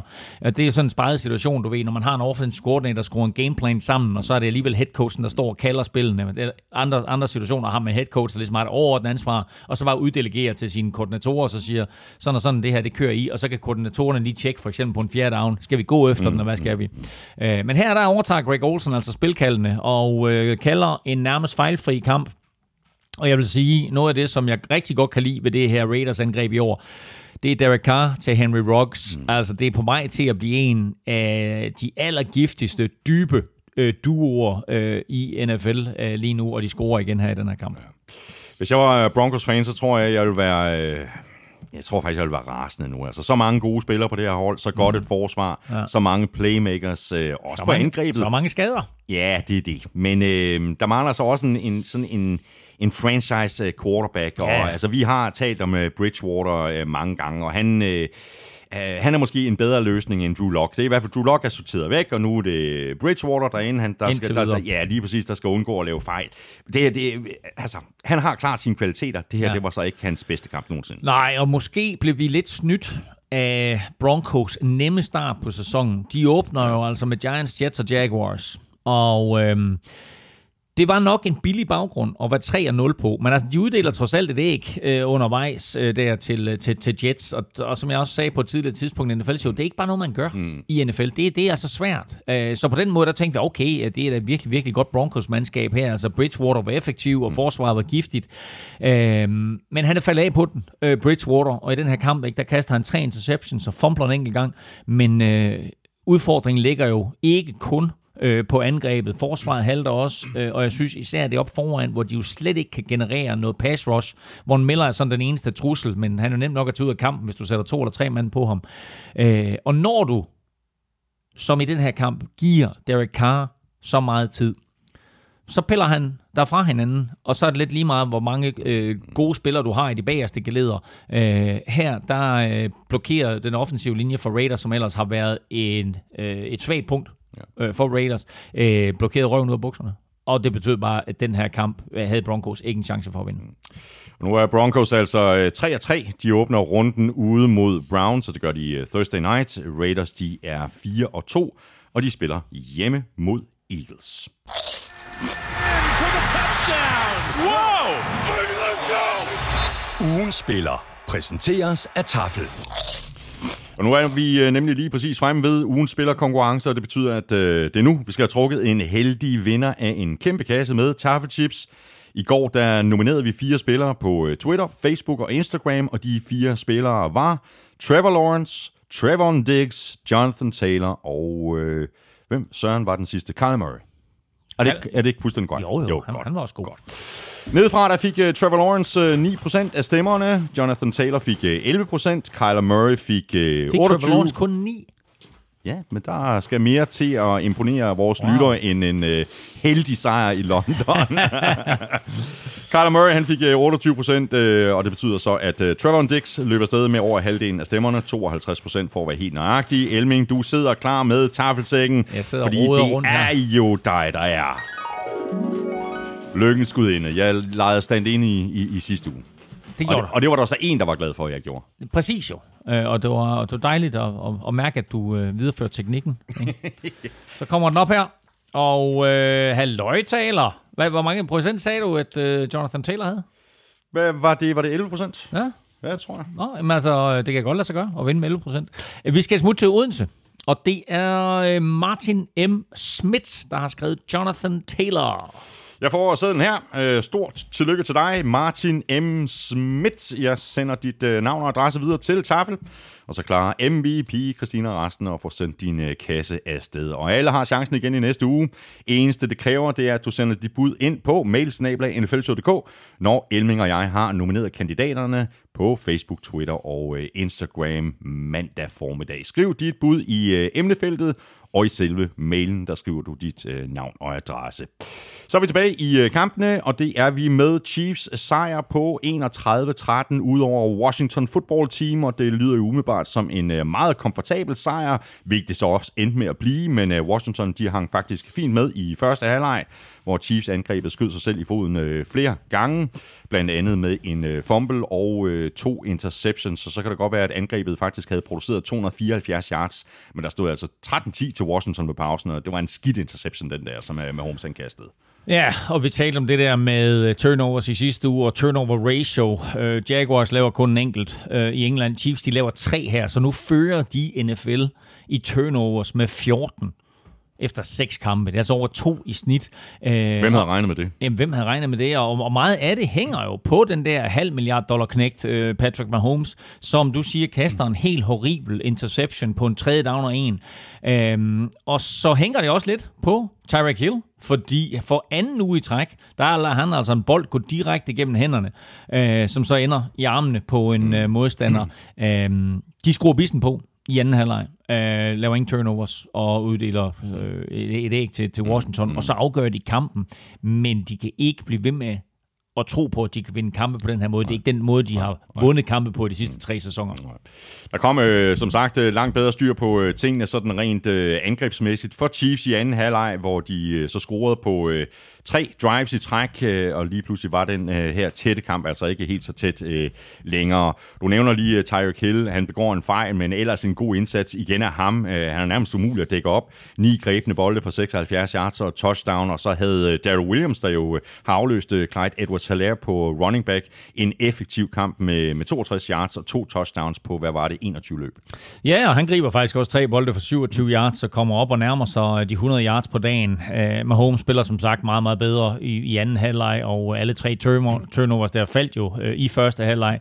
Så da først Chiefs holder op med at give bolden mm. til, uh, til Washington, så var der jo klasseforskel ja. på de her to mandskaber. Så så vi den forskel også på Chiefs og Washington, som vi havde forventet der vil være, men jeg tror også, vi har forventet, at, at det vil blive en tæt kamp, fordi Chiefs forsvar øh, ikke har været specielt godt i år. Ja. Nu vinder Chiefs, så det ser rigtig fint ud, i hvert fald på, på, på, på, på, på papiret, med, på, en, på øh, papir. med en udsejr på, øh, ja. på 31-13. Det, det, der er så ikke helt den samme magi, som der har været de foregående år, eller, eller er det bare mig? Når det kører, så ser det godt ud. Uh, men jeg vil sige, at altså, når Mahomes han tryller, og det går godt, så er han jo magisk på en eller anden måde. Ikke? Men der er for mange tilfældigheder, og jeg synes, angrebet mangler rytme. Også fordi det er jo meget af de her øh, enkelstående plays, i stedet for en eller anden form for sammenhængende kontinuitet af, af, af plays. Men vi har talt om det flere gange. Ikke? Det, var, det var lidt den måde, Andy Reid har skruet sin playbook sammen på. Og det har fungeret for dem. Mm. Men det er ligesom om, at der mangler noget lige nu, og det skal de have fundet tilbage ja. til. Så har vi jo talt rigtig meget om uh, Washingtons forsvar, og at det har skuffet os. Uh, vi har selvfølgelig ikke haft de, de samme forventninger til Washingtons angreb og til uh, Taylor Heineke. Og det var altså heller ikke øh, vanvittigt sprudende at se på i den her kamp øh, over for et forsvar, der har været til at tale med mm. hele sæsonen. Så kom øh, Washington angrebet aldrig ind i en rytme. Heineke og company konverterede halvdelen på tredje down, 7 af 14, og producerede kun 15 første downs i en hel kamp. Ja, altså 15 first downs, det er ikke, det er ikke, det er ikke så få. Altså, der, der er mange hold, der har produceret færre end det. Men jeg vil sige, at generelt set over kampen, og tage betragtning af, hvor ringe Chiefs forsvar har været øh, indtil videre i sæsonen, og, og egentlig hvor eksplosiv Antonio Gibson har set ud. Han bliver øvrigt øh, småskadet i den her kamp, og er tvivlsom til, øh, til næste spilleuge. Øh, men jeg, jeg er bare overrasket over, øh, at de ikke får mere ud af det øh, på angrebet. Jeg havde faktisk forventet en kamp, hvor det til sidst ville blive sådan noget 35 32-agtigt, men øh, det blev det ikke, fordi Washingtons angreb var, var helt væk. Og generelt vil jeg sige, det her Washington-mandskab, det er dårligt. Øh, og måske nok, hvis vi kigger på det, sæsonens største skuffelse lige nu. Ja, ja. Det er, det er helt vildt øh, med det forsvar her. Det havde vi forventet os så meget af. Men altså, Washington er lige nu øh, 2 og 4, og de spiller ude mod øh, Packers. Chiefs, de er øh, 3 og 3, og de spiller ude mod øh, Titans. Packers, øh, de spillede jo så ude mod øh, divisionsrivalerne fra Bears i søndags. Øh, den kamp vandt Rodgers og company med 24-14. Og det var Rodgers så også ret godt tilfreds med efter kampen. I still own you. Nikolaj Madsen skriver til os, har Rodgers lige ordnet taunting-problemerne? Lad være med at provokere spillerne, provokere fansene. I still own you. Præcis. Uh, og det, uh, altså, uh, der er jo sat de her taunting-regler ind, at det er sådan, at man uh, kan få en, en 15 års straf, for laver man to taunting, så kan man blive smidt ud. Uh, men der står ikke noget sted i reglerne noget om, at man ikke må taunte, altså uh, så håne modstandernes fans. Og uh, vi husker jo tilbage på en situation for mange år siden, hvor uh, Vikings ankommer til Green Bay, og uh, der står fans ude på parkeringspladsen, og uh, i uh, 20 graders frost uh, lige trækker bukserne ned og viser sådan en ildrød numse der, ikke? Øh, og mooner øh, Vikings bus, og øh, Randy Moss scorer så to eller tre eller fire, nej, ah, tre var det nok, touchdowns imod Packers der, og stiller sig op til den ene målstolpe og, øh, og, og simulerer, at han tager bukserne ned og mooner øh, Green Bay's fans, og fik vist, som jeg husker det, en bøde på 25.000 dollars for det. Øh, Bears fans har angiveligt munet Packers bus, da den ankom. Øh, og så løber Rodgers lige ud og siger, I still own you. Og øh, vi må sige, at det gør han, fordi det her det er NFL's ældste arvefjende opgør. Det er spillet i 102 år, og i mange år, der var Bears jo totalt dominerende. Men øh, det ændrede sig med Brett Favre og er fortsat med Aaron Rodgers. Rodgers han har vundet 21 ud af sine 26 kampe mod Chicago Bears, og nu fører Packers det interne opgør med 102 sejre mod 95 og 6 uafgjorte. Så ja, Rodgers ejer Bears, og det gjorde han også kortvarigt på Wikipedia i går.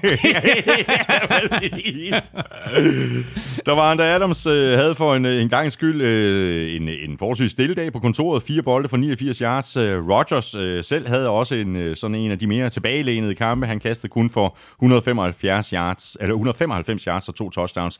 Men det var jo effektivt, Elming. Altså øh, ikke spektakulært, men effektivt. Ja, men prøv at, han fordelte bolden fint, og... Øh jeg blev, der, jeg, blev, jeg blev faktisk en kende forvirret, fordi da jeg lige tjekkede statistik øh, for kampen, så så jeg, at øh, han selv, Aaron Rodgers der, havde, havde grebet en bold for 14 yards, men at ingen andre havde kastet bolden i løbet af kampen. Øh, men A. Rodgers, det er jo selvfølgelig rookie Amari Rodgers, mm. som øh, vi stadigvæk venter lidt på for sit store gennembrud i det her angreb. Øhm, men altså selv i en kamp som det her, hvor der burde være lidt mere plads til ham, så griber han jo kun én bold. Men øh, nu så vi altså A. Rodgers til A. Rodgers. Mm. Og så har Packers altså også en rigtig god uh, tandem på running back i uh, Aaron Jones og A.J. Dillon. Uh, Aaron Jones havde 110 total yards og touchdown, og A.J. Dillon fik uh, 59 yards på 11 mm. løb.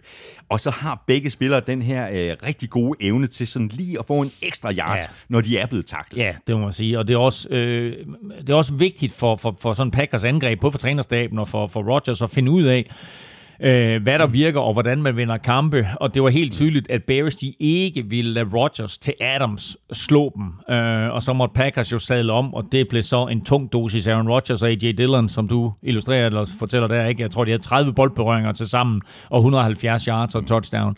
Øh, og det er, det er en god duo, de har der. Og A.J. Dillon, øh, synes jeg er i gang med at bevise, at han har det høje draft pick mm, mm.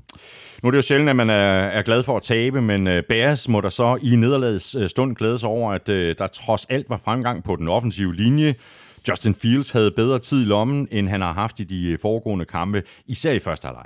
Især i første halvleg, for jeg synes, Packers skruer bissen på, men det er det blevet meget bedre med den offensive linje, end, end det var for tre uger siden, hvor Fields han blev sækket ni gange. Her der bliver han i gåsøjne kun øh, sækket fire gange, men generelt ser han øh, bedre ud, og ligesom vi talte om i sidste uge, så, ved, så leverer han altså bare nogle sukkerballer mm. her. Fields er stadigvæk ung, øh, han er rookie, der er stadigvæk øh, masser af ting, han skal arbejde på, øh, og han kan blive bedre til, men jeg synes, man kan se, at han, øh, han får en bedre og bedre forståelse for, hvornår han skal øh, forlænge spillene, og hvornår han skal løbe bolden selv, men nu nævner du også lige, altså 4-6, det er selvfølgelig stadigvæk i overkanten. Ja, selvfølgelig er det det, øh, men det er jo nogle gange det, der sker med unge spillere, der, der jo er vant til at skabe magi i college, der skal de altså lige vende sig til, at det er ok at smide bolden væk i NFL, og at øh, det altid er bedre og få 0 yards end minus yards. Øh, og så især også, og det er sindssygt vigtigt for alle de her unge quarterbacks, minimere de skrald, man tager i løbet af en sæson, fordi de akkumuleres over en sæson, og de akkumuleres over en karriere, så sørg for at minimere de skrald, man tager. Prøv at tænke på Peyton Manning i sine sidste år, hvor vi hundede ham lidt for at smide sig ned i lommen. Var det klogt? Jeg kunne fandme, var det da klogt, ikke? Og det ser tåbeligt ud, men altså, hey, du spiller bare lige fem år længere, ja. og det skal sådan nogle drenge som det her, det skal de alle sammen lære. Hør I efter? Hører du efter Justin Fields, og hører du efter Trey Lance? Der bliver sagt øh, oh. kloge ord her i, her i studiet. Bears, de er 3 3. De spiller ude mod Buccaneers. Packers, de er 5 og 1, og de får besøg af Washington. Og så skal vi et smut op øh, til øh, Gillette Stadium, hvor Cowboys var på besøg, og her havde de fleste nok regnet med, at øh, Dak og Zeke ville køre Patriots midt over.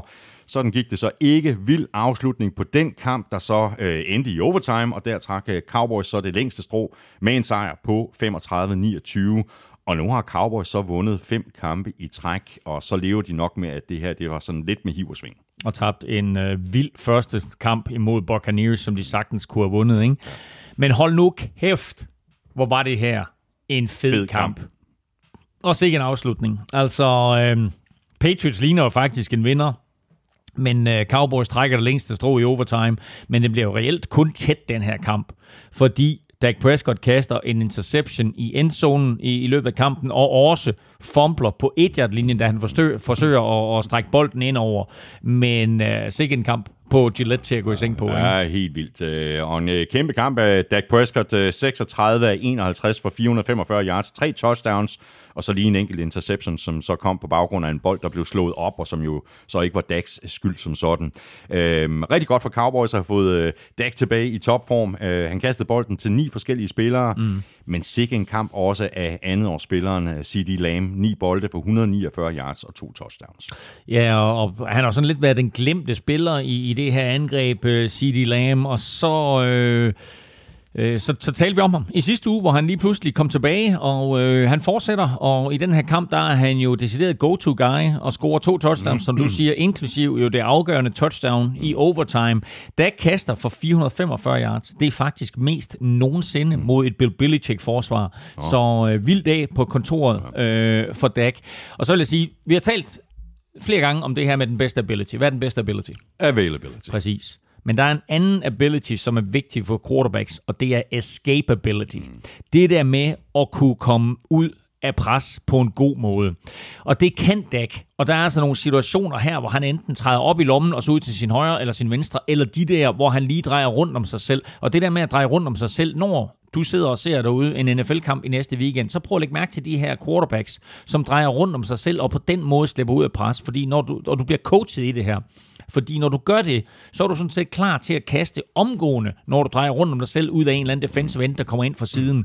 Og det er Dak bare virkelig god til. For at dreje rundt om sig selv, og så snart han har gjort det, så er hovedet på plads til at kigge ned ad banen, og så får han leveret en bold. Det der med escapability, det har alle de gode quarterbacks, og Dak viser det her gang på gang. Ja. Og så er vi nødt til at lige nævne uh, Trevor Dix, som vi jo uh, nominerede til ugen spiller. Uh, vanvittig stime, han er inde i uh, syv interceptions på seks kampe. Altså, vi bliver bare nødt til lige at, at, at runde ham uh, også her. Mindst en interception, seks kampe i træk. Det er en tangering i NFL-rekorden. Uh, det passer faktisk ikke helt, fordi den er faktisk 8 over to sæsoner. Men han har lagt hårdt for land, og uh, det er jo lige ved, at han er i spil til at slå Dick Night Train Lanes rekord på 14 interceptions i en sæson. Den er helt tilbage fra 1950. Wow. Nu har øh, Trevor Diggs, nu har han øh, syv interceptions efter seks, seks kampe. Han har to pick sixes. Altså, han har to touchdowns. Det er faktisk lige så mange, som hans bror Stefan Diggs har. Ja, præcis. Øh, men, øh, men der er også nogle negative sider, fordi jeg så en oversigt, hvor man kan se, at Trevor Diggs, han opgiver et hav af yards. Mm. Han tillader mange completions, og har begået flest penalties af alle cornerbacks. Så hans interceptions er selvfølgelig sindssyg og vanvittig flot, og en, og en øh, crazy stat, han har syv efter seks kampe, og han har en i hver kamp. Men de kommer, fordi han gambler meget. Ja. Uh, men jeg tænker, at trænerstaben lidt ser igennem fingre med det, så længe at de her plays, han laver, de er så kampafgørende. Mm. Hvor langt kan Cowboys nå? Altså, de er 5 og 1 nu. De kunne have været 6 og 0. Vi havde ja. en forventning om før sæsonen, at angrebet ville komme til at sætte mange point på tavlen, hvis bare uh, Dak Prescott lignede sig selv nogenlunde. Det gør han. Uh, og set over de første seks spillerunder, så har forsvaret jo også spillet på et langt, langt højere niveau, mm. end vi havde forventet. I hvert Jamen, fald. jeg synes, alt ved Cowboys er bedre end forventet. De er kommet, uh, Dak er kommet bedre tilbage. Løbeangrebet fungerer bedre. Uh, de blokerer et punt i, i kampen her, så special teams er der også. Uh, vi har set uh, Greg the Leg uh, være kampafgørende. Er det også ham, der sender kampen mm. i overtid her, ikke? Så, så special teams er der for dem også. Og som du siger, det her forsvar, det fungerer bare langt bedre under Dan Quinn, end nogen kunne have forudset. Uh, det kommer selvfølgelig, fordi de har fået et nyt og nok noget nemmere system, som spillerne befinder sig bedre i, men det kommer også, fordi de har et par unge superstuds, som uh, Diggs og, og Micah Parsons. Mm. Så havde vi jo en, en fornemmelse af i første sæson, at Mac Jones var den af, af rookie quarterbacksene, der var mest NFL-klar. Jeg må bare indrømme, at han, han imponerer mig mere og mere kamp for kamp. Det er jo ikke sådan, altså de helt vilde atletiske ting, han laver. Han er jo ikke verdens største atlet, men det er bare stabilt og driftssikkert, mm. hvilket så også er en præstation i sig selv, så tidligt i sin NFL-karriere. Ja, og en anden ting, det er, at han lader sig ikke gå på modgang. Uh, mange quarterbacks, og især unge quarterbacks, tænker over, hvad der skete uh, på playet lige før, eller angrebsserien lige før, eller hvad der skete i sidste uge. Uh, Mac, han er, virker det til, upåvirkelig. Nyt play, mm. nyt drive, ny kamp, og uh, det er faktisk lidt vildt, fordi Patriots har kun 14 plays i første halvleg. De kører 14 plays i første halvleg. Jeg tror, de scorer to touchdowns på de første 8 plays eller sådan noget lignende. Ikke? Og så har de altså kun 6 plays derefter og 14 plays i alt. Øhm, men han kommer flot tilbage i anden halvleg, øh, Mac Jones her, øh, og kaster jo blandt andet, hvilket også viser, hvor iskold han er, han kaster jo blandt andet et touchdown på playet efter Dix, han har lavet mm, den der pick 6 mm, mm. og scoret. Der kaster han et touchdown på, er det 75 yards eller 78 yards eller et eller andet hvor han kaster bolden hen over hovedet på Dix, mm, mm. og lige ned i hænderne på sin receiver. Ikke? Så altså, det er ikke sådan, at han kigger over Dix og siger, ah, den, den vej skal ja, det ikke ikke. Det nej, ikke igen. Han, siger, han stoler på sig selv og siger, ja, ja. det der det er det rigtige kast, nu leverer jeg det, og det gør han. Mm. Og nu Patriots så 2 og 4, det må jo give Belichick blod på tanden, at de var så tæt på i den her kamp mod et hold, som ingen øh, havde forventet, at øh, de i virkeligheden skulle have en chance imod. Nu kommer øh, divisionsrivalerne fra Jets på besøg. Det er så omvendt en kamp, som de skal vinde. Blod på tanden.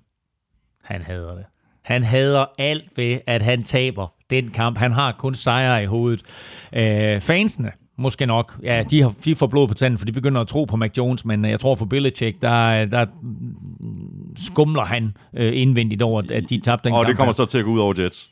Og det kommer til at gå ud over Zach Wilson. Men nu glæder jeg mig faktisk til at se, hvad, hvad Zach Wilson kan mod det her Patriots øh, forsvar. Jets har jo fået lov til at sidde over en uge, fordi de var i London i sidste uge, ikke? så de har siddet over i den forgangne spilleuge. Øh, så de har haft 14 dage til at forberede sig på, på Patriots her. Så nu glæder jeg mig til at se, hvad, hvad de finder på, og hvad, hvad Zach Wilson kan mod det her forsvar, som jo har vist svaghedstegn blandt andet imod øh, Davis Mills og Texans for to uger siden. Ikke? Ja. Patriots, de er 2 og 4. De spiller altså hjemme mod Jets. Cowboys, de er 5 og 1, og de er gået på deres bye week. Det kører for Cowboys, og det gør det så i den grad også for Cardinals, der nu er 6 og 0, efter de slog Browns på udebane med 37-14. Vi havde begge taget Browns i picks, og jeg blev kun bekræftet i, at det var det helt rigtige valg af nyheden om, at øh, Cliff Kingsbury og flere andre fra Cardinals uh, trænerstab var blevet testet positiv for mm. covid-19, og derfor ikke kunne komme med til kampen. Men uh, hvem har brug for en uh, head coach og en offensiv playcaller, når man har Kyler Murray? 20 30 for 229 yards, fire touchdowns, og så lidt uh, magi og lidt uh, trylleri og hister her. Jamen, det er så imponerende, ikke? Altså, han løber jo faktisk også et touchdown ind, mm. som bliver kaldt tilbage for holding. Han havde sådan lige en, en stille kamp i sidste uge mod 49ers, øh, men her imod Browns, der er han jo banens bedste spiller, øh, og så længe han er skadesfri, så er han jo... Øh, altså, så er han jo umulig at håndtere, og så er Cardinals angreb bare meget, meget svære at stoppe, og som du siger, øh, han gør altså det her øh, mod Browns, øh, uden at han har sin head coach og sin offensive playcaller, og uden at forsvaret har Chandler Jones, som alle sammen er blevet hjemme i Arizona, fordi de tester positive. Og som du også øh, lige er inde på, øh, Elming, altså, så er det nærmest kun i kampen mod 49ers i forrige uge, at det her angreb ikke bare har hamret af. Men det gjorde det i den her kamp. Øh, de pontede kun to gange. De konverterede 8 af 10 på tredje down. Chase Edmonds og James Conner fik til sammen 117 yards på jorden. Christian Kirk scorede touchdown. DeAndre Hopkins scorede touchdown. AJ Green scorede touchdown. Det klikker bare på det her angreb. Ja, og det er altså vildt at se imod et, et Browns-forsvar, som har været rigtig godt i den seneste måned, og øh, havde en storspillende til David Clowney tilbage. Men øh, Kyler er uhåndterbar, og selv når man får lagt pres på ham, så laver han jo et eller andet vildt. Øh, for eksempel det der touchdown, han kaster til DeAndre Hopkins. Altså godt nok så står D-Hop jo, jo fuldstændig fri i bagenden af endzonen. Men det, der imponerer mig, det er, at Kyler jo scrambler, og alligevel øh, Øh, på trods af sin ringe størrelse, og på trods af det sådan, at han løber 100 km i timen, så når han lige at se, åh, oh, der står lige en, en, en farve trøje, der er samme farve som min. Ikke? Ham kaster jeg til, og så leverer han. Og det, det, det der er så imponerende, det er, at mange andre quarterbacks, når de går i gang med at scramble, så har de kun måske første dagmarkering øh, eller en forsvarsspiller for øje. Ikke? Mm. Kyler Murray, han holder, bolden, eller han holder øjnene ned ad banen øh, hele vejen øh, igennem, og kaster så det her touchdown til Hopkins. Og jeg synes, det var faktisk lidt sjovt, fordi det virker også som om, det andre Hopkins har sådan helt overrasket. Og, altså for det første... er der ikke nogen? Ja, præcis. Men er det ikke rigtigt? Han stod så lidt og kiggede, hvorfor er der ikke nogen i nærheden af mig? Ja, hvad er der game det? Hvornår kommer det gule flag? Der må være et eller andet. Lige nøjagtigt. Det, det virker faktisk sådan. Nå, men øh, det kører med for, for, for Cardinals øh, angreb, men øh, Cardinals forsvar er faktisk heller ikke så tosset. Altså, de stoppede Browns på 70% af deres tredje down, så næsten øh, det samme på, øh, på fjerde down. Og så forserede de også lige øh, tre turnovers, øh, som der i øvrigt øh, alle stod Baker Mayfield på. To fumbles og en, øh, og en interception. Ja, det her det var ikke uh, hans bedste kamp, øh, og så må vi jo, uh, uden Chandler Jones, må vi jo bare rose J.J. Watt øh, og sige, at han igen var en force. Uh, han har altså spillet på rigtig gode kampe her på det sidste, og uh, her uh, imod Browns, der får han også uh, sæsonens første sack, sin første sack i en Cardinals trøje, og han rammer faktisk Baker på et tidspunkt så hårdt, så uh, Baker kortvarigt må udgå med, med, med den her skulderskade, han har haft i forvejen, som ja. de var bange for at være blevet ja. forværret. Ja. Browns de havde jo allerede en, en del udfordringer på vej ind til den her kamp. Altså, de var uden uh, begge deres startende offensive tackles. De var uden uh, Jarvis Landry. Uh, de var uden Nick Chubb. Og så mistede mm. de Kareem Hunt undervejs i kampen. Og så nævner du det her med, med Baker Mayfield, der altså bliver skadet i sin mener, det er venstre skulder, hvor han jo ja. var, var skadet i forvejen. Men så er det hele også sådan lidt op ad bakke, ikke? Jo, det er da klart, øh, og, og det er selvfølgelig et, et på ingen måde godt med, med, med de her skader, øh, hverken på forsvaret eller, eller på angrebet. Øh, jeg havde store forventninger til Cream Hunt i den her kamp. Øh, han var ikke sådan, han er ikke en vanvittig god kamp, inden han øh, er, er udsat for sådan en eller anden form for ene ulykke i, øh, i fjerde kvartal, hvor han lige pludselig tager sig til baglåret. Øh, jeg tror, det var en, jeg mener, det er en lægskade, og øh, nu sagde han tog sig til baglåret, et eller andet med benet i hvert fald. Øhm, han er ude som minimum i et par uger. Øh, Brown spiller på torsdag, så der er han altså ikke med. Baker Mayfield har sagt, at han er klar til på torsdag. Browns er lidt tvivlsom omkring Nick Chubbs status, øh, og det kan betyde, at Jerome Felton ender med at blive startende running back for Cleveland Browns på torsdag. Ja. Og så var der jo en, øh, en del fokus på uh, Odell Beckham Jr. i, i tv-produktionen. Uh, jeg synes nu, at det er Donovan Peoples-Jones, der fortjener opmærksomheden her i NFL-showet. Sikke en kamp af ham. Uh, og sikke en attitude, han har. Fire grebne bolde for 101 yards og to touchdowns. Der er sådan et udtryk, der hedder uh, running angry. Mm. Det var i hvert fald det der touchdown, han scorede der. Du ved godt, hvad det er for det, jeg, jeg mener, ikke? Jo, jo. Uh, det var surt, ikke? Ah. Jo, men han, prøv at høre, han er fed. Uh, helt sikkert. Øh, og på den anden side, så synes jeg, det er jo lidt vildt, at Odell Beckham Jr. og Baker Mayfield har så svært ved at finde øh, noget, der bare minder om kemi. Øh, den har aldrig rigtig været der, øh, og selv her, mens Jarvis Landry øh, er ude, så kan Baker stadigvæk ikke rigtig få gang i Odell. Jo, jeg tror, han griber fem bolde for 80 yards, men det er ikke sådan, at man, man sidder og bare siger, wow, wow, wow, hvor det vildt. Det er ikke sådan noget Rodgers, til, der var til Adams. Nej, overhovedet ikke. Øhm, og det, altså, det er også crazy nok, ikke? Fordi, altså, hvad er det? Er det, er det 3-4 år siden, hvor vi sagde, okay, Odell Beckham Jr., han er altså NFL's bedste receiver. Mm. Øh, så bliver han traded til Browns, og det har bare ikke været godt siden. Nej, det har det ikke. Browns, de skal, øh, som du også var inde på lidt uh, tidligere, uh, Elming, spille natten til fredag, hvor de altså får besøg af Broncos. Det er en kort uge, men det mindst uh, positivt for Browns, at de skal spille kampen hjemme. Hvordan kommer de tilbage på sporet, ikke mindst set i lyset af alle de skader, de har? Mm, det gør de mod et Broncos-mandskab, der også har skader, og som offensivt jo slet ikke er i nærheden af det Cardinals-hold, som Browns lige har tabt til. Men det er en vigtig kamp for begge mandskaber. Der er jo begge lige nu er 3 og 3 og ligger i svære divisioner, hvor hvis man skal gøre sig forhåbninger om noget, så skal man altså vinde ja. kampe og følge med førerholdene. Ja. Browns, de er lige nu 3 og 3. De spiller altså hjemme mod øh, Broncos Thursday night. Cardinals, de er 6 og 0, og de spiller hjemme mod Texans. Og lige en hurtig øh, sidebemærkning her. Øh, Cardinals flyttede fra St. Louis til Phoenix i 1987. Det er første gang siden, at de er 6 og 0. De har aldrig i deres 100 år lange levetid været 7-0, så en sejr over Texans i weekenden gør Kyler og company historiske. Wow. Og så videre til den øh, sene søndagskamp i øh, Pittsburgh mellem øh, Steelers og Seahawks. Øh, den endte 2020, efter at øh, Steelers havde været foran med 14-0. I overtime, der afgjorde Chris Boswell så tingene fra 37 yards, og dermed så kunne Steelers altså notere sig en sejr på 23-20. Men den holdt hårdt, den her Elming, også langt hårdere, end de fleste måske havde øh, forventet. Ja, men altså, vi fik en øh, fed kamp, og øh, en, en, en kamp, der udviklede sig til at blive en fed kamp, og vi fik en afgørelse i overtime igen, og i det hele taget var det her jo en, en, en fed NFL-søndag med fire kamptidspunkter fra tidlig eftermiddag i London til sen nat, hvis man ellers kunne holde sig vågen. Øh, i, i London, der endte det med field goal i sidste sekund, og på alle de andre tre kamptidspunkter, der var der mindst en overtime-kamp, ikke Vikings Panthers kl. 19, Cowboys, kl. Øh, Cowboys Patriots kl. 22 og Steelers Seahawks kl. 02. Og sad man så og tænkte mandag, at det var da en fed søndag, ikke? Mm. så fik vi den her vanvittige afgørelse i Monday Night-kampen også. Og det er altså bare lidt NFL's våde drøm. Øh, og ja, det er holdt hårdt for Steelers, men big players make big plays in big games, og her der var det TJ Watt, der afgjorde det hele ja, i overtime. Lige præcis, og det er lige præcis TJ Watt, øh, jeg vil øh, fokusere på nu, fordi altså, øh, fodbold er en holdsport, øh, der er masser af spil og masser af præstationer, der har indflydelse på, på de forskellige kampes udfald, det siger sig selv.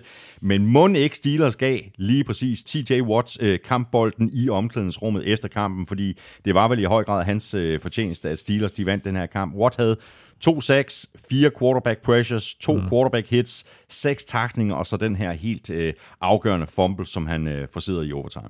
Han var ude på kampe, TJ Watt, og i den periode, der var Steelers forsvar helt klart ikke det samme. Altså, det kan jo siges ret kort, han er vild. Øh, og han er brutal, og det play, han laver i overtime, er der bare ikke ret mange, der, der, der laver øh, i NFL. Altså Geno Smith ser ud til at stikke af øh, op igennem midten. Geno Smith var jo Seahawks quarterback, mm, fordi Russell Wilson var ude.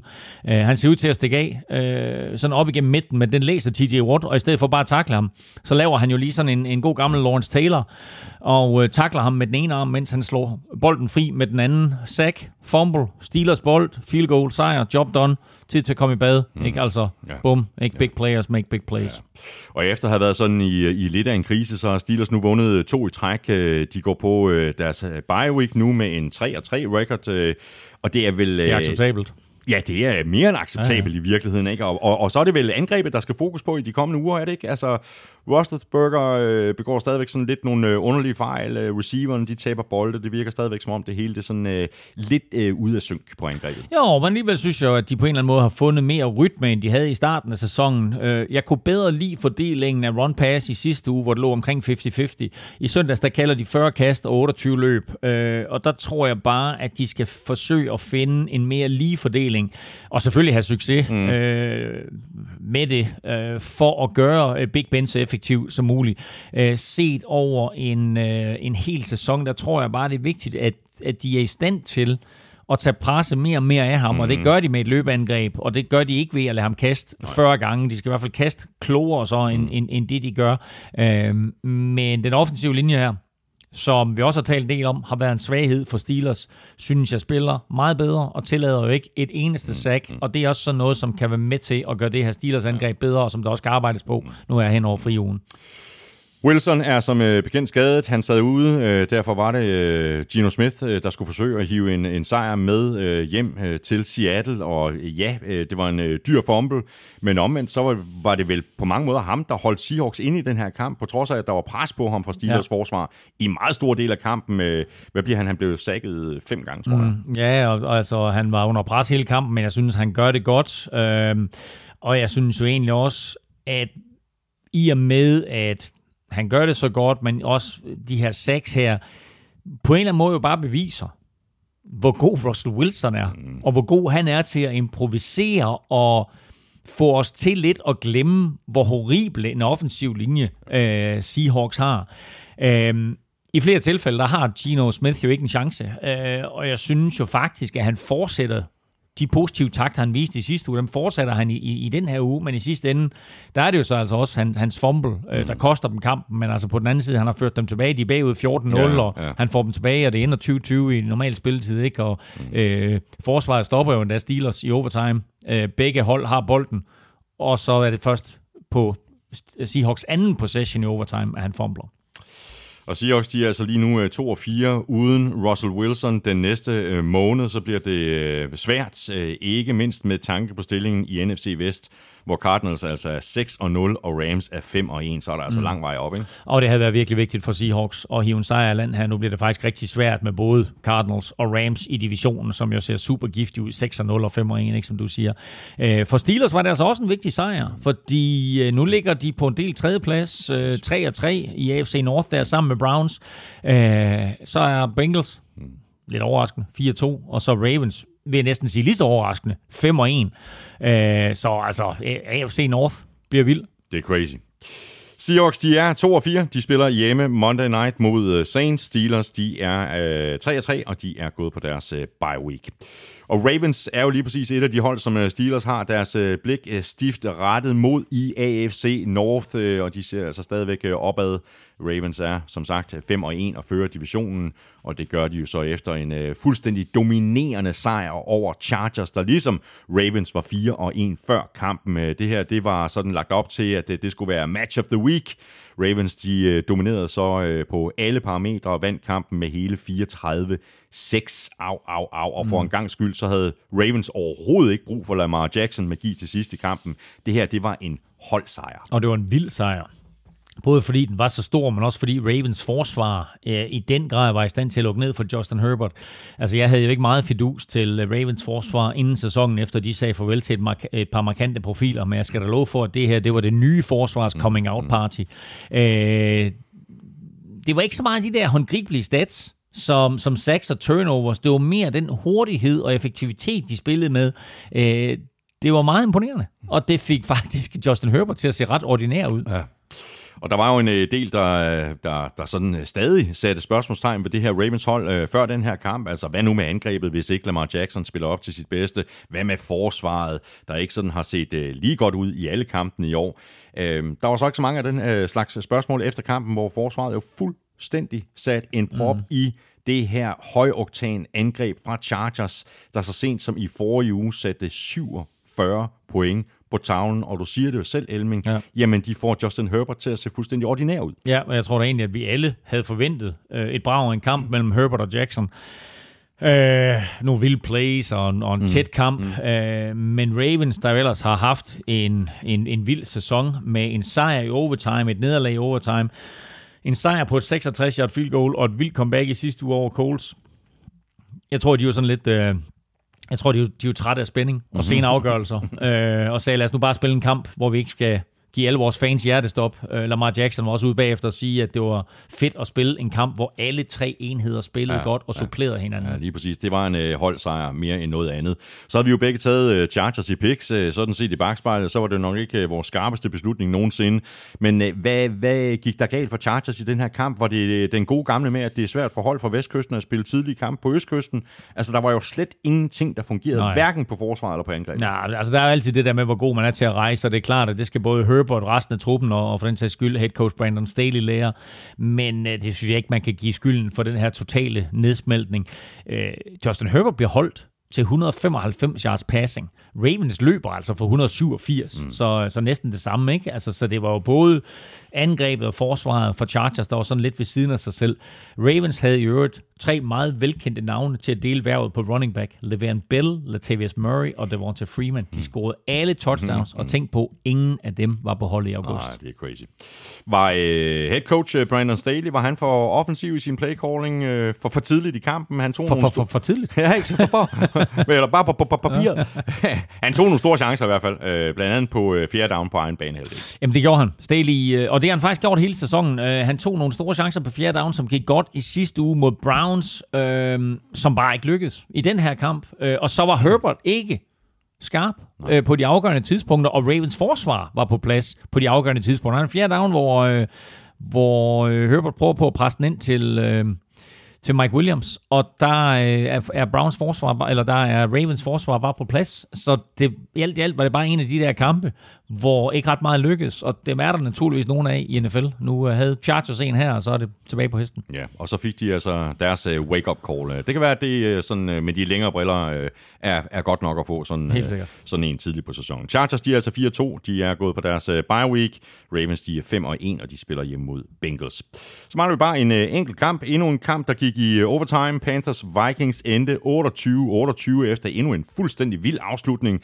Der var blandt andet blevet på et blokeret punt og return for touchdown, og i den øh, forlængede spilletid, så var det så Vikings, der trak det længste strå, og så kunne de altså sætte sig på øh, flyveren retur til Minnesota med en øh, 34-28 sejr i bagagen.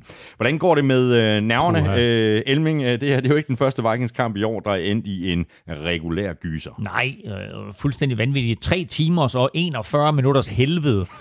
øhm, og fuldstændig unødvendigt jo. Øh, men tænk, prøv, prøv at tænke på 3 timer og 41 minutter. Altså, da de slutter, der er de, der er, er øh, de sene kampe, de er nærmest øh, de, de er tæt på færdig med første kroner, ikke? Så, så Kirk Cousins sagde også efter, at han var fuldstændig udmattet, ikke? Mm-hmm. Står slet ikke mål med, hvor udmattet jeg var. øh, men, øh, men jeg prøver det fuldstændig unødvendigt. Det anden uge i træk, at de smider en stor føring. Og endnu en gang, så er kicker Greg Joseph involveret, både i sidste uge og i den her uge. Der kan han jo lukke kampen med et uh, tidligt, sådan forholdsvis kort field goal, men han brænder. Øh, og det åbnede så døren for Lions i sidste uge og for Panthers i den her uge. Øh, han har faktisk præcis som i sidste uge også chancen for at gøre god igen her, men han brænder sin 47 yarder i sidste sekund, og så går kampen i overtid, mm. hvor Vikings de så heldigvis øh, vinder. Det her, det var vel øh, mere en, en spændende kamp, end øh, den egentlig var sådan øh, velspillet. Jeg synes, øh, Kirk Cousins øh, spillede fremragende i anden halvleg, ikke mindst til allersidst i kampen, øh, da det virkelig galt. Øh, der var så til gengæld øh, måske øh, lidt mindre effektivitet over sageren i, i første halvleg, hvor Cousins øh, missede et par chancer for at score mm. touchdown, men I fik da produceret nogle offensive yards. 571. Som er fuldstændig vanvittigt. 571 Jeg tror, det er yards. tredje, tredje flest øh, yards i en kamp for Vikings nogensinde. nogensinde. Ikke? Altså Vikings kom også ind i, i, i ligaen der i 1960, ikke? så altså tredje flest nogensinde, 571 yards. Øh, og tænk på ikke, altså der var jo det her high-flying offense med, med Randy Moss og Chris Carter og Jake Reed og Randall Cunningham som quarterback. Øh, vi skal helt tilbage til der for at finde en af de der kampe, hvor der var flere yards, ikke? men altså det tredje flest øh, nogensinde. Og, og det, jeg synes, der er mest imponerende og mest overraskende også, det er, at det er imod det her Panthers forsvar, som vi har rost i store vendinger, øh, høje vendinger siden, siden spil U1. Ikke? Øh, en anden vigtig ting for Vikings at tage med sig fra den her kamp, det er, at de er startet hurtigt i alle kampe, og så er falmet.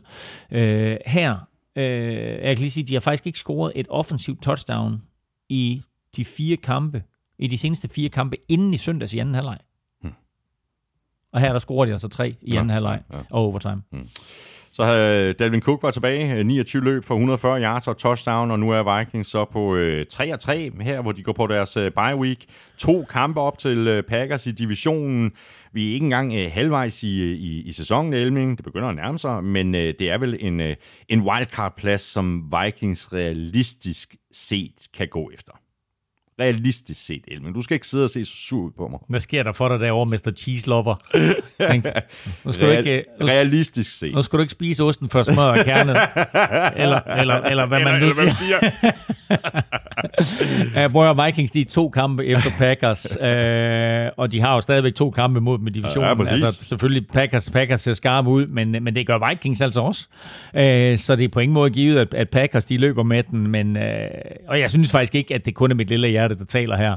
Øh, med hensyn til, øh, til Dalvin Cook, så er han bare så smooth og eksplosiv, øh, at det her angreb fra Vikings, det jo bare bliver og er farligere, når, når han er frisk. Så øh, hold ham frisk, så tror jeg også på, at, øh, at Vikings har en chance mod Packers. Carolina, uh, we have a problem, uh, og det problem, det er på angrebet. Der er et eller andet, der ikke fungerer, når Sam Darnold, han kaster bolden 41 gange og kun completer de 17 for 207. 17 af 41. Det er helt ja. latterligt jo. For 207 yards, et touchdown og en interception. Spørgsmålet er, er det Darnolds skyld det her? Er det receivernes skyld? Er det playcallingens skyld? Øh, eller bliver det hele bare meget bedre, når de får Christian McCaffrey øh, tilbage? Altså, Chopper Hubbard, han gjorde det sådan set fint nok, øh, især i begyndelsen af kampen, men han er jo ikke nogen Christian McCaffrey. Det er han ikke, men han har faktisk gjort det fint som afløser, Ja. og har selvfølgelig fået sit gennembrud på, på baggrund af det her. Øhm, der er mange ting, der går galt for Panthers øh, i den her kamp. Altså pålidelige DJ Moore og Robbie Anderson taber jo begge ja. nemme bolde. Ja. Øh, Sam Darnold smider en interception på sit allerførste kast. Øh, Christian McCaffrey nævner du, og det er klart, at han er savnet. Nu er han sat på injured reserve. Han har set ud i tre kampe, og så beslutter klubben sig for at sætte ham på injured reserve nu. Det vil sige, at han er ude i minimum tre kampe mere. Øh, og præcis, som jeg har sagt flere gange i NFL-showet, og også i forbindelse med Christian McCaffreys skade her, så er de der øh, fiberskader i baglår, og især når, når det er så øh, en alvorlig en, som, som Christian McCaffrey øh, fik i, i kampen der for tre uger siden, jamen altså, så er de bare svære at komme tilbage fra, og nu misser han altså som minimum seks kampe, eller over en tredjedel af grundspillet. Ikke? Panthers lagde ud 3-0, alle sammen med McCaffrey. Mm. Nu er de 3-3, har tabt tre i træk, alle sammen. Øh, eller hvad, er det jo med McCaffrey, da de jo 3-0, og så taber de tre træk her uden McCaffrey. Det fortæller en, øh, en stor del af den historie. Panthers, som sagt, 3-3. De spiller ude mod øh, Giants. Vikings, de er også 3-3, og de er gået på deres øh, bye week. Ja, det der med bye week, det er jo faktisk en af de store friuger, vi går ind i nu her. Seks mandskaber sidder over, Præcis. så der er jo altså kun 13 kampe her i syvende runde. Og så kommer vi øh, godt igennem øh, 6. spillerunde. Lige om lidt, der skal vi vælge kampe til uge 7. Vi skal omkring både øh, Otterquizzen og Tips 12. Og så skal vi forhåbentlig også have et par rigtige svar i quizzerne. Lige nu, der er det momentometer-tid. Har du fået kigget på det, Elming, og har du styr på, hvilke hold, der fortjener at være i øh, top 3? Ja, altså top 3 giver næsten sig selv. Altså 1 og 2, de vandt, det var Cardinals og Cowboys, og så tabte Bills jo i nat, uh, så de rykker nok væk fra tredjepladsen, og så må jeg nok, uh, ja, det er sgu nok Rams. Det er Rams, der ryger derop på tredjepladsen, kan jeg se. Ja, Så det er der, vi er. godt. Og øh, der er vel ikke nogen tvivl om, at det er Lions, der ligger i bunden. Det er, øh, det, det, Det er skarpt, ikke? Jo, det, det er skarpt set, men altså, jeg vil sige, det er jo ikke som om, at det, det er jo ikke som om Dolphins ikke godt presser sig på, eller, eller Nej. Washington for en sags skyld nej. ikke, altså. Men uh, ja, det er der, vi er. Godt, og øh, når du på et øh, tidspunkt får skrevet hele dit øh, momentometer øh, færdigt, jamen øh, så kommer det op at ligge, og det kommer op at ligge det samme sted, hvor det altid ligger, nemlig på gulklud.dk. Og øh, nu skal vi faktisk et øh, smut øh, ned under bæltestedet sammen med Manscaped og deres fjerde generations performance package, så nu skal jeg lige have tændt for den her. Kan man høre den? Man kan godt høre den. Godt. Alle, der allerede har købt den her Lawn Mower 4.0, kender den her lyd. Det er lyden af kvalitet, og som øh, Gregers Jungersen jo skrev til os for et øh, stykke tid siden, så er det et regulært value pick, når man øh, skal tage hånd om sit eget lille roster cuts. Value pick, sagde du det? ja, det, det, det var Gregers, der skrev det. det er ikke min skyld. og det var også, han skrev også roster cut, ikke? Men fantastisk. Øh, En ting, det er jo at, at, at skære sig under barberingen, altså, du ved, i, i ansigtet. Øh, Det er, ikke nogen, øh, det er ikke nogen fornøjelse. Det er det så mildt sagt heller ikke, hvis man skærer sig under barberingen lidt længere sydpå, ned under bæltestedet. Det har jeg i hvert fald hørt. Ja. Har du også hørt det? Øh, jeg, jeg, jeg ved bare, at øh, nu har jeg selv prøvet produktet der, og øh, det er jo et, et produkt, hvor det er sådan, at man jo, man kan, man kan sige det på en måde, jeg har faktisk også hørt, at Tom Brady har brugt det, øh, men han kom til at trykke lidt for hårdt. Det er rigtigt. Så fik han deflated, deflated balls. Så fik han deflated balls. Det fik jeg faktisk en bøde for. ja, det er jo fire spildags karantæne. jeg anede faktisk ikke, at Manscaped var involveret i den affære, men det, det er de så ja. åbenbart. Nå, hvor sjovt.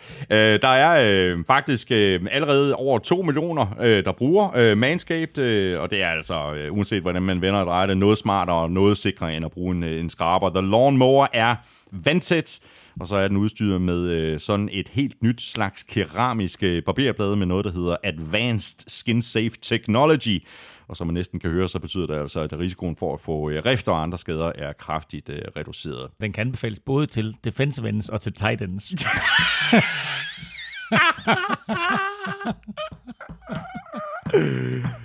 Nej, jeg stopper nu. Jeg har lige, jeg har lige noget mere, jeg skal sige. Okay, fint nok. Fint nok. det er fandme så sejt. Åh, Ja. Nå, godt så. godt. Ved du hvad, der er ovenikøbet lys i den her trimmer. Så, Det er fedt. Yep, det er det nemlig sådan. Så kan man også gøre det i mørke. Ej, det vil jeg ikke anbefale. Uh, Udover The Lawnmower, så indeholder den her Performance Package 4.0 fra Manscaped også en uh, helt igennem effektiv øre- og næsehårs trimmer. Den hedder The Weed Whacker. Og med i pakken, der får du også en uh, Crop Preserver Intim Deodorant. Men vent! Der er mere! Du får nemlig også en Crop Reviver opfrisker og et sæt Performance Boxer Shorts og en rigtig flot Jeg elsker, når Toilettaske. Jeg elsker, når du lyder lidt som tv-show. Ja, præcis. But det wait, også- but wait, there's more. There's more. Ja, præcis. Nå, men så får du faktisk heller ikke øh, mere. Det er så også mere end øh, rigeligt til den pris, og lige nu der får du altså ovenikøbet øh, gratis fragt og 20% i rabat, når du bruger koden NFL-showet ved checkout på manscaped.com. Ryk på det, som man øh, siger, og gør din nødder en øh, kæmpe tjeneste. Vi skal have quizzen. oh. Det er tid til quiz. Quiz, quiz, quiz, quiz. Jeg, Ja. jeg har helt glemt, hvad du spurgte mig om. Nå, men det, jeg kan gentage det, men øh, nu er vi fremme med quizzerne, og Ja, ja. quizzerne præsenteres jo i samarbejde med La quiz! Bagsvær Lakrids. Ulala. Øhm, Amstrup Stik-quiz. Dix har nu syv interceptions Nå, Nå, ja. i sæsonens første seks kampe. Det har en spiller, og så skriver Amstrup faktisk i parentes, en legende Ja, gjort før hvem?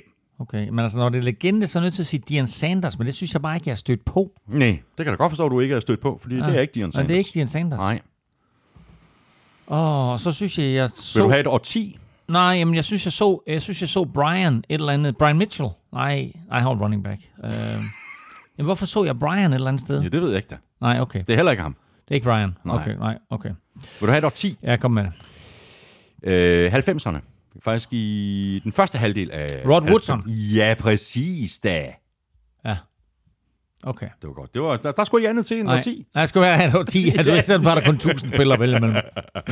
Nå, det er godt. Jamen, øh, fint. Alle mine ledetråde kan jeg godt øh, strege sig, når, når, Okay. når, når du har... Øh, Hvad var, de, hvad var den andre ledtråd? Nå, men det var så... Øh, hvilken division han sådan ligesom øh, spillede i først, og han spillede også for Raiders senere i sin karriere, han var også omkring 49ers, så Okay. hvilket trøjenummer han spillede, var det ikke nummer 65, han spillede med, tror jeg. Nej, 65, det gjorde han sgu ikke i hvert fald. han ikke det? Rod Woodson?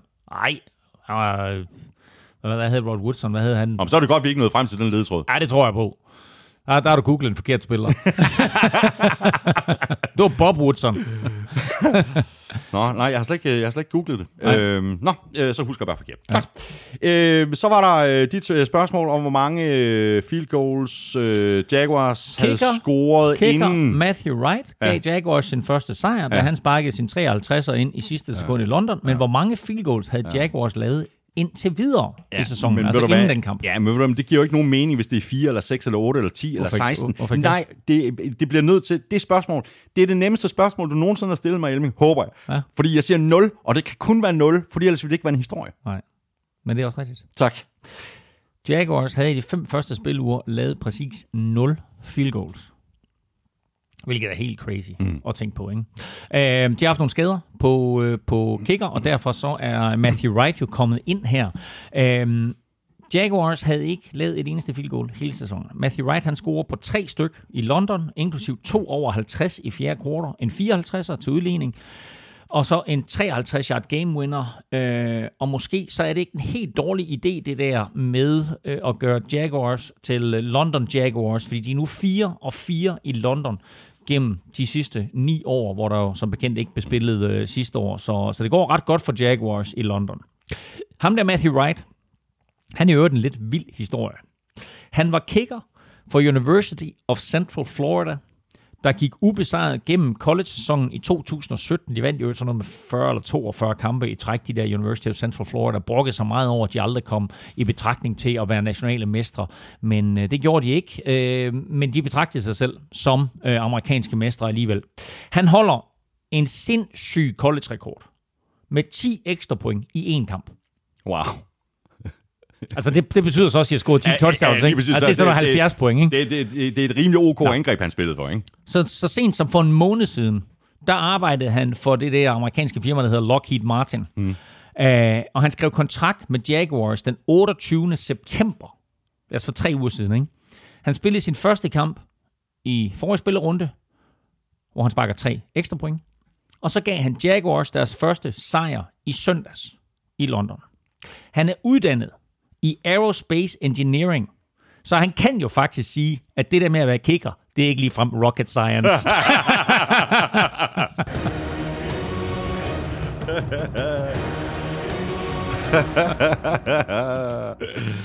Så øh, tager vi fat i øh, Otterquizzen. Det er nu, vi skal se, om der er nogen, der har ramt plet på de øh, seks udsagn. Og hvis du har det, så er det altså nu, du har chance for at få sat 200 øh, kroner ind på din øh, blå konto på Otter.dk og det har du, hvis du har ramt plet på de udsagn, der så endte med at holde.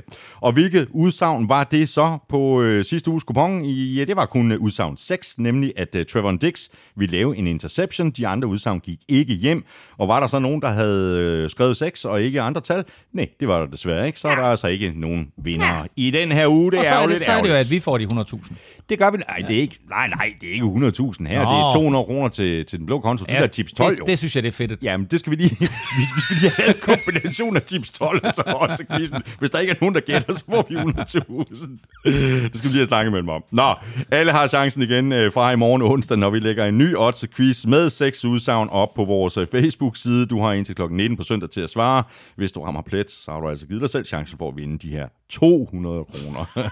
du får det til at lyde så lidt til odds.dk. Der er kun tre krav for at være med. Du skal være med en staten, du skal bo i Danmark, og så skal du have en blå konto hos Odds, og det skal du for at kunne modtage din præmie, hvis du vinder. Så er vi fremme med uh, Tips 12-kupongen, øh, der jo ligger på Tips.dk under Tips 12 søndag. Det her, man kan vinde øh, 100.000 kroner, hvis man... Uh, altså rammer de øh, 12 kampe og er den eneste, der gør det. Med hele tre kampe, der gik i overtime, så øh, kommer det nok ikke som den helt store bombe, at der ikke var nogen, der havde øh, alle 12 kampe rigtige i, øh, i den her spillerunde. Der var til gengæld syv, der havde 11 rigtige. De får så hver 2.782,5 kroner, og de 75, øh, der havde 10 rigtige, de får hver 259,5. Der er hver uge 100.000 kroner i første præmiepuljen, som så altså deles mellem de tipper, som har 12 rigtige, og der er også præmier til 11 og 10 rigtige. Og den nye Tips 12 kupon er allerede live på tips.dk under Tips 12 søndag. Og øh, ja, hold nu op, jeg synes bare, der er mange svære kampe. Der er mange svære kampe, men der er også sådan, vil jeg sige, mange kampe på... Øh, altså, der er ikke helt det samme feel over de kampe her. Altså, jeg synes, øh, hvis jeg sådan lader blikket glide ned over nu, også fordi du ved, at øh, der er ikke noget lilla, der ligesom springer i øjnene, i hvert fald ikke noget Vikings lilla, fordi øh, de sidder over her. Men, men jeg synes, der er mange kampe, hvor så man tænker, ah, okay, det, det, der kunne man måske godt have fået et federe matchup. Til gengæld, så er der to kampe, der hedder Baltimore Ravens mod Cincinnati Bengals, som vi så sent som sidste år bare tænkte, nå, walk in the mm. park for ja, ja, Ravens. Ja. Nu, nu er der pludselig lidt spænding omkring ja. dem. Og så er der selvfølgelig den der, der hedder Tennessee Titans mod Kansas City Chiefs. Ja. Så det, Men, er, det er klart rundens fedeste kamp. Ja, på, på, på, på, på, på papir. papiret.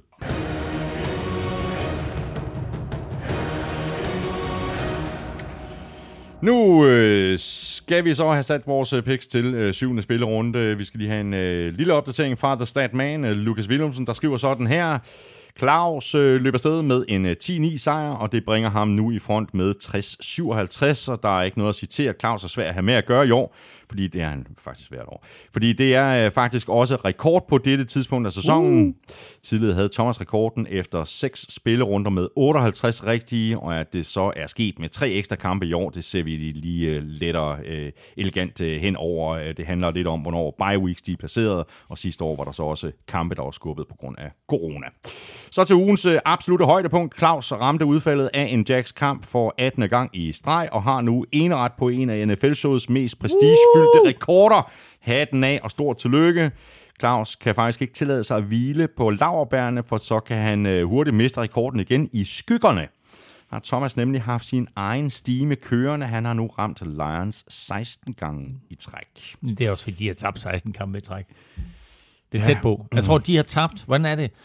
Lions har tabt nu, altså Lions, har, ah, jeg tror det er 10 kampe i træk, de har tabt nu Lions. Mm. Lions har tabt 10 kampe i træk, og det er så, nu er her efter Jaguars har vundet, det er så den længste stime, ja, nuværende stime ja. i hvert fald. Til gengæld så er Thomas inde i en øh, mindre heldig stime på et andet punkt. Claus har ramt minimum én kamp for hvert hold i år, men Thomas mangler et øh, enkelt hold for lidledes at få fuld plade. Thomas er nemlig 0 af 5 i Saints kampe i 2021-sæsonen. Det kommer faktisk ikke øh, specielt meget bag på mig. Jeg har virkelig haft store problemer med Saints, og det har jeg også i den her spilrunde. Nej, det er nemt. Nå, det synes du? Men det er det da. Nå. Prøv at Vandt, tabt, vandt, tabt, vandt. Hvad kommer nu? Tabt. Ja, præcis. Ja. Men øh, det har vi faktisk også til at gøre. Okay, på trods af, at jeg havde, jeg havde faktisk, faktisk skrevet, skrevet ned først, at de skulle vinde. Nå, okay, det er den sidste kamp, som vi skal, som vi skal. Godt om. Uge 7, here we go. Ja, tak. Øh, hele seks hold, du sagde det også lidt tidligere, er på bye week. Det er Bills, Cowboys, Jaguars, Chargers, Vikings og Steelers, og det betyder så altså, at øh, der kun er 13 kampe i den øh, kommende spillerunde. Det er ikke kun dig, der er god til det her hovedregning, men det kan jeg også. Ja. Browns, Broncos. Browns. Jeg har også Browns. Og Giants, det er, tor- det er jo torsdag allerede. ja, præcis. Giants, Panthers. Øh, Panthers. Sino Giants. Nej, jamen jeg overvejer det. Så godt da. Så, fordi så, øh, altså, så igen, altså, så er det lidt ligesom det der Jaguars. Så er du simpelthen for sej, ja, hvis du rammer en Giants-kamp. Nej, men jeg siger Panthers. Ja, det gør jeg altså også. Patriots Jets. Patriots. Har også Patriots. Titans Chiefs. Nu bliver det spændende. Mm. Du siger først. Titans. jeg siger Titans. Gør det nok, kan man så sige Chiefs? Ja. Jeg er godt nok i tvivl. Jeg er godt Ja, nok det i er, jo, tvivl. det er også på det fuldstændig vanvittige spil. Men ved du hvad, der er sjovt? Det er, Men prøv nu at deres forsvar. Ja. Chiefs forsvar Ja. er til at tale med, og Ja. den måde, som Titans spiller på i øjeblikket, den Ja. måde, som Derrick Henry løber på Ja. i øjeblikket.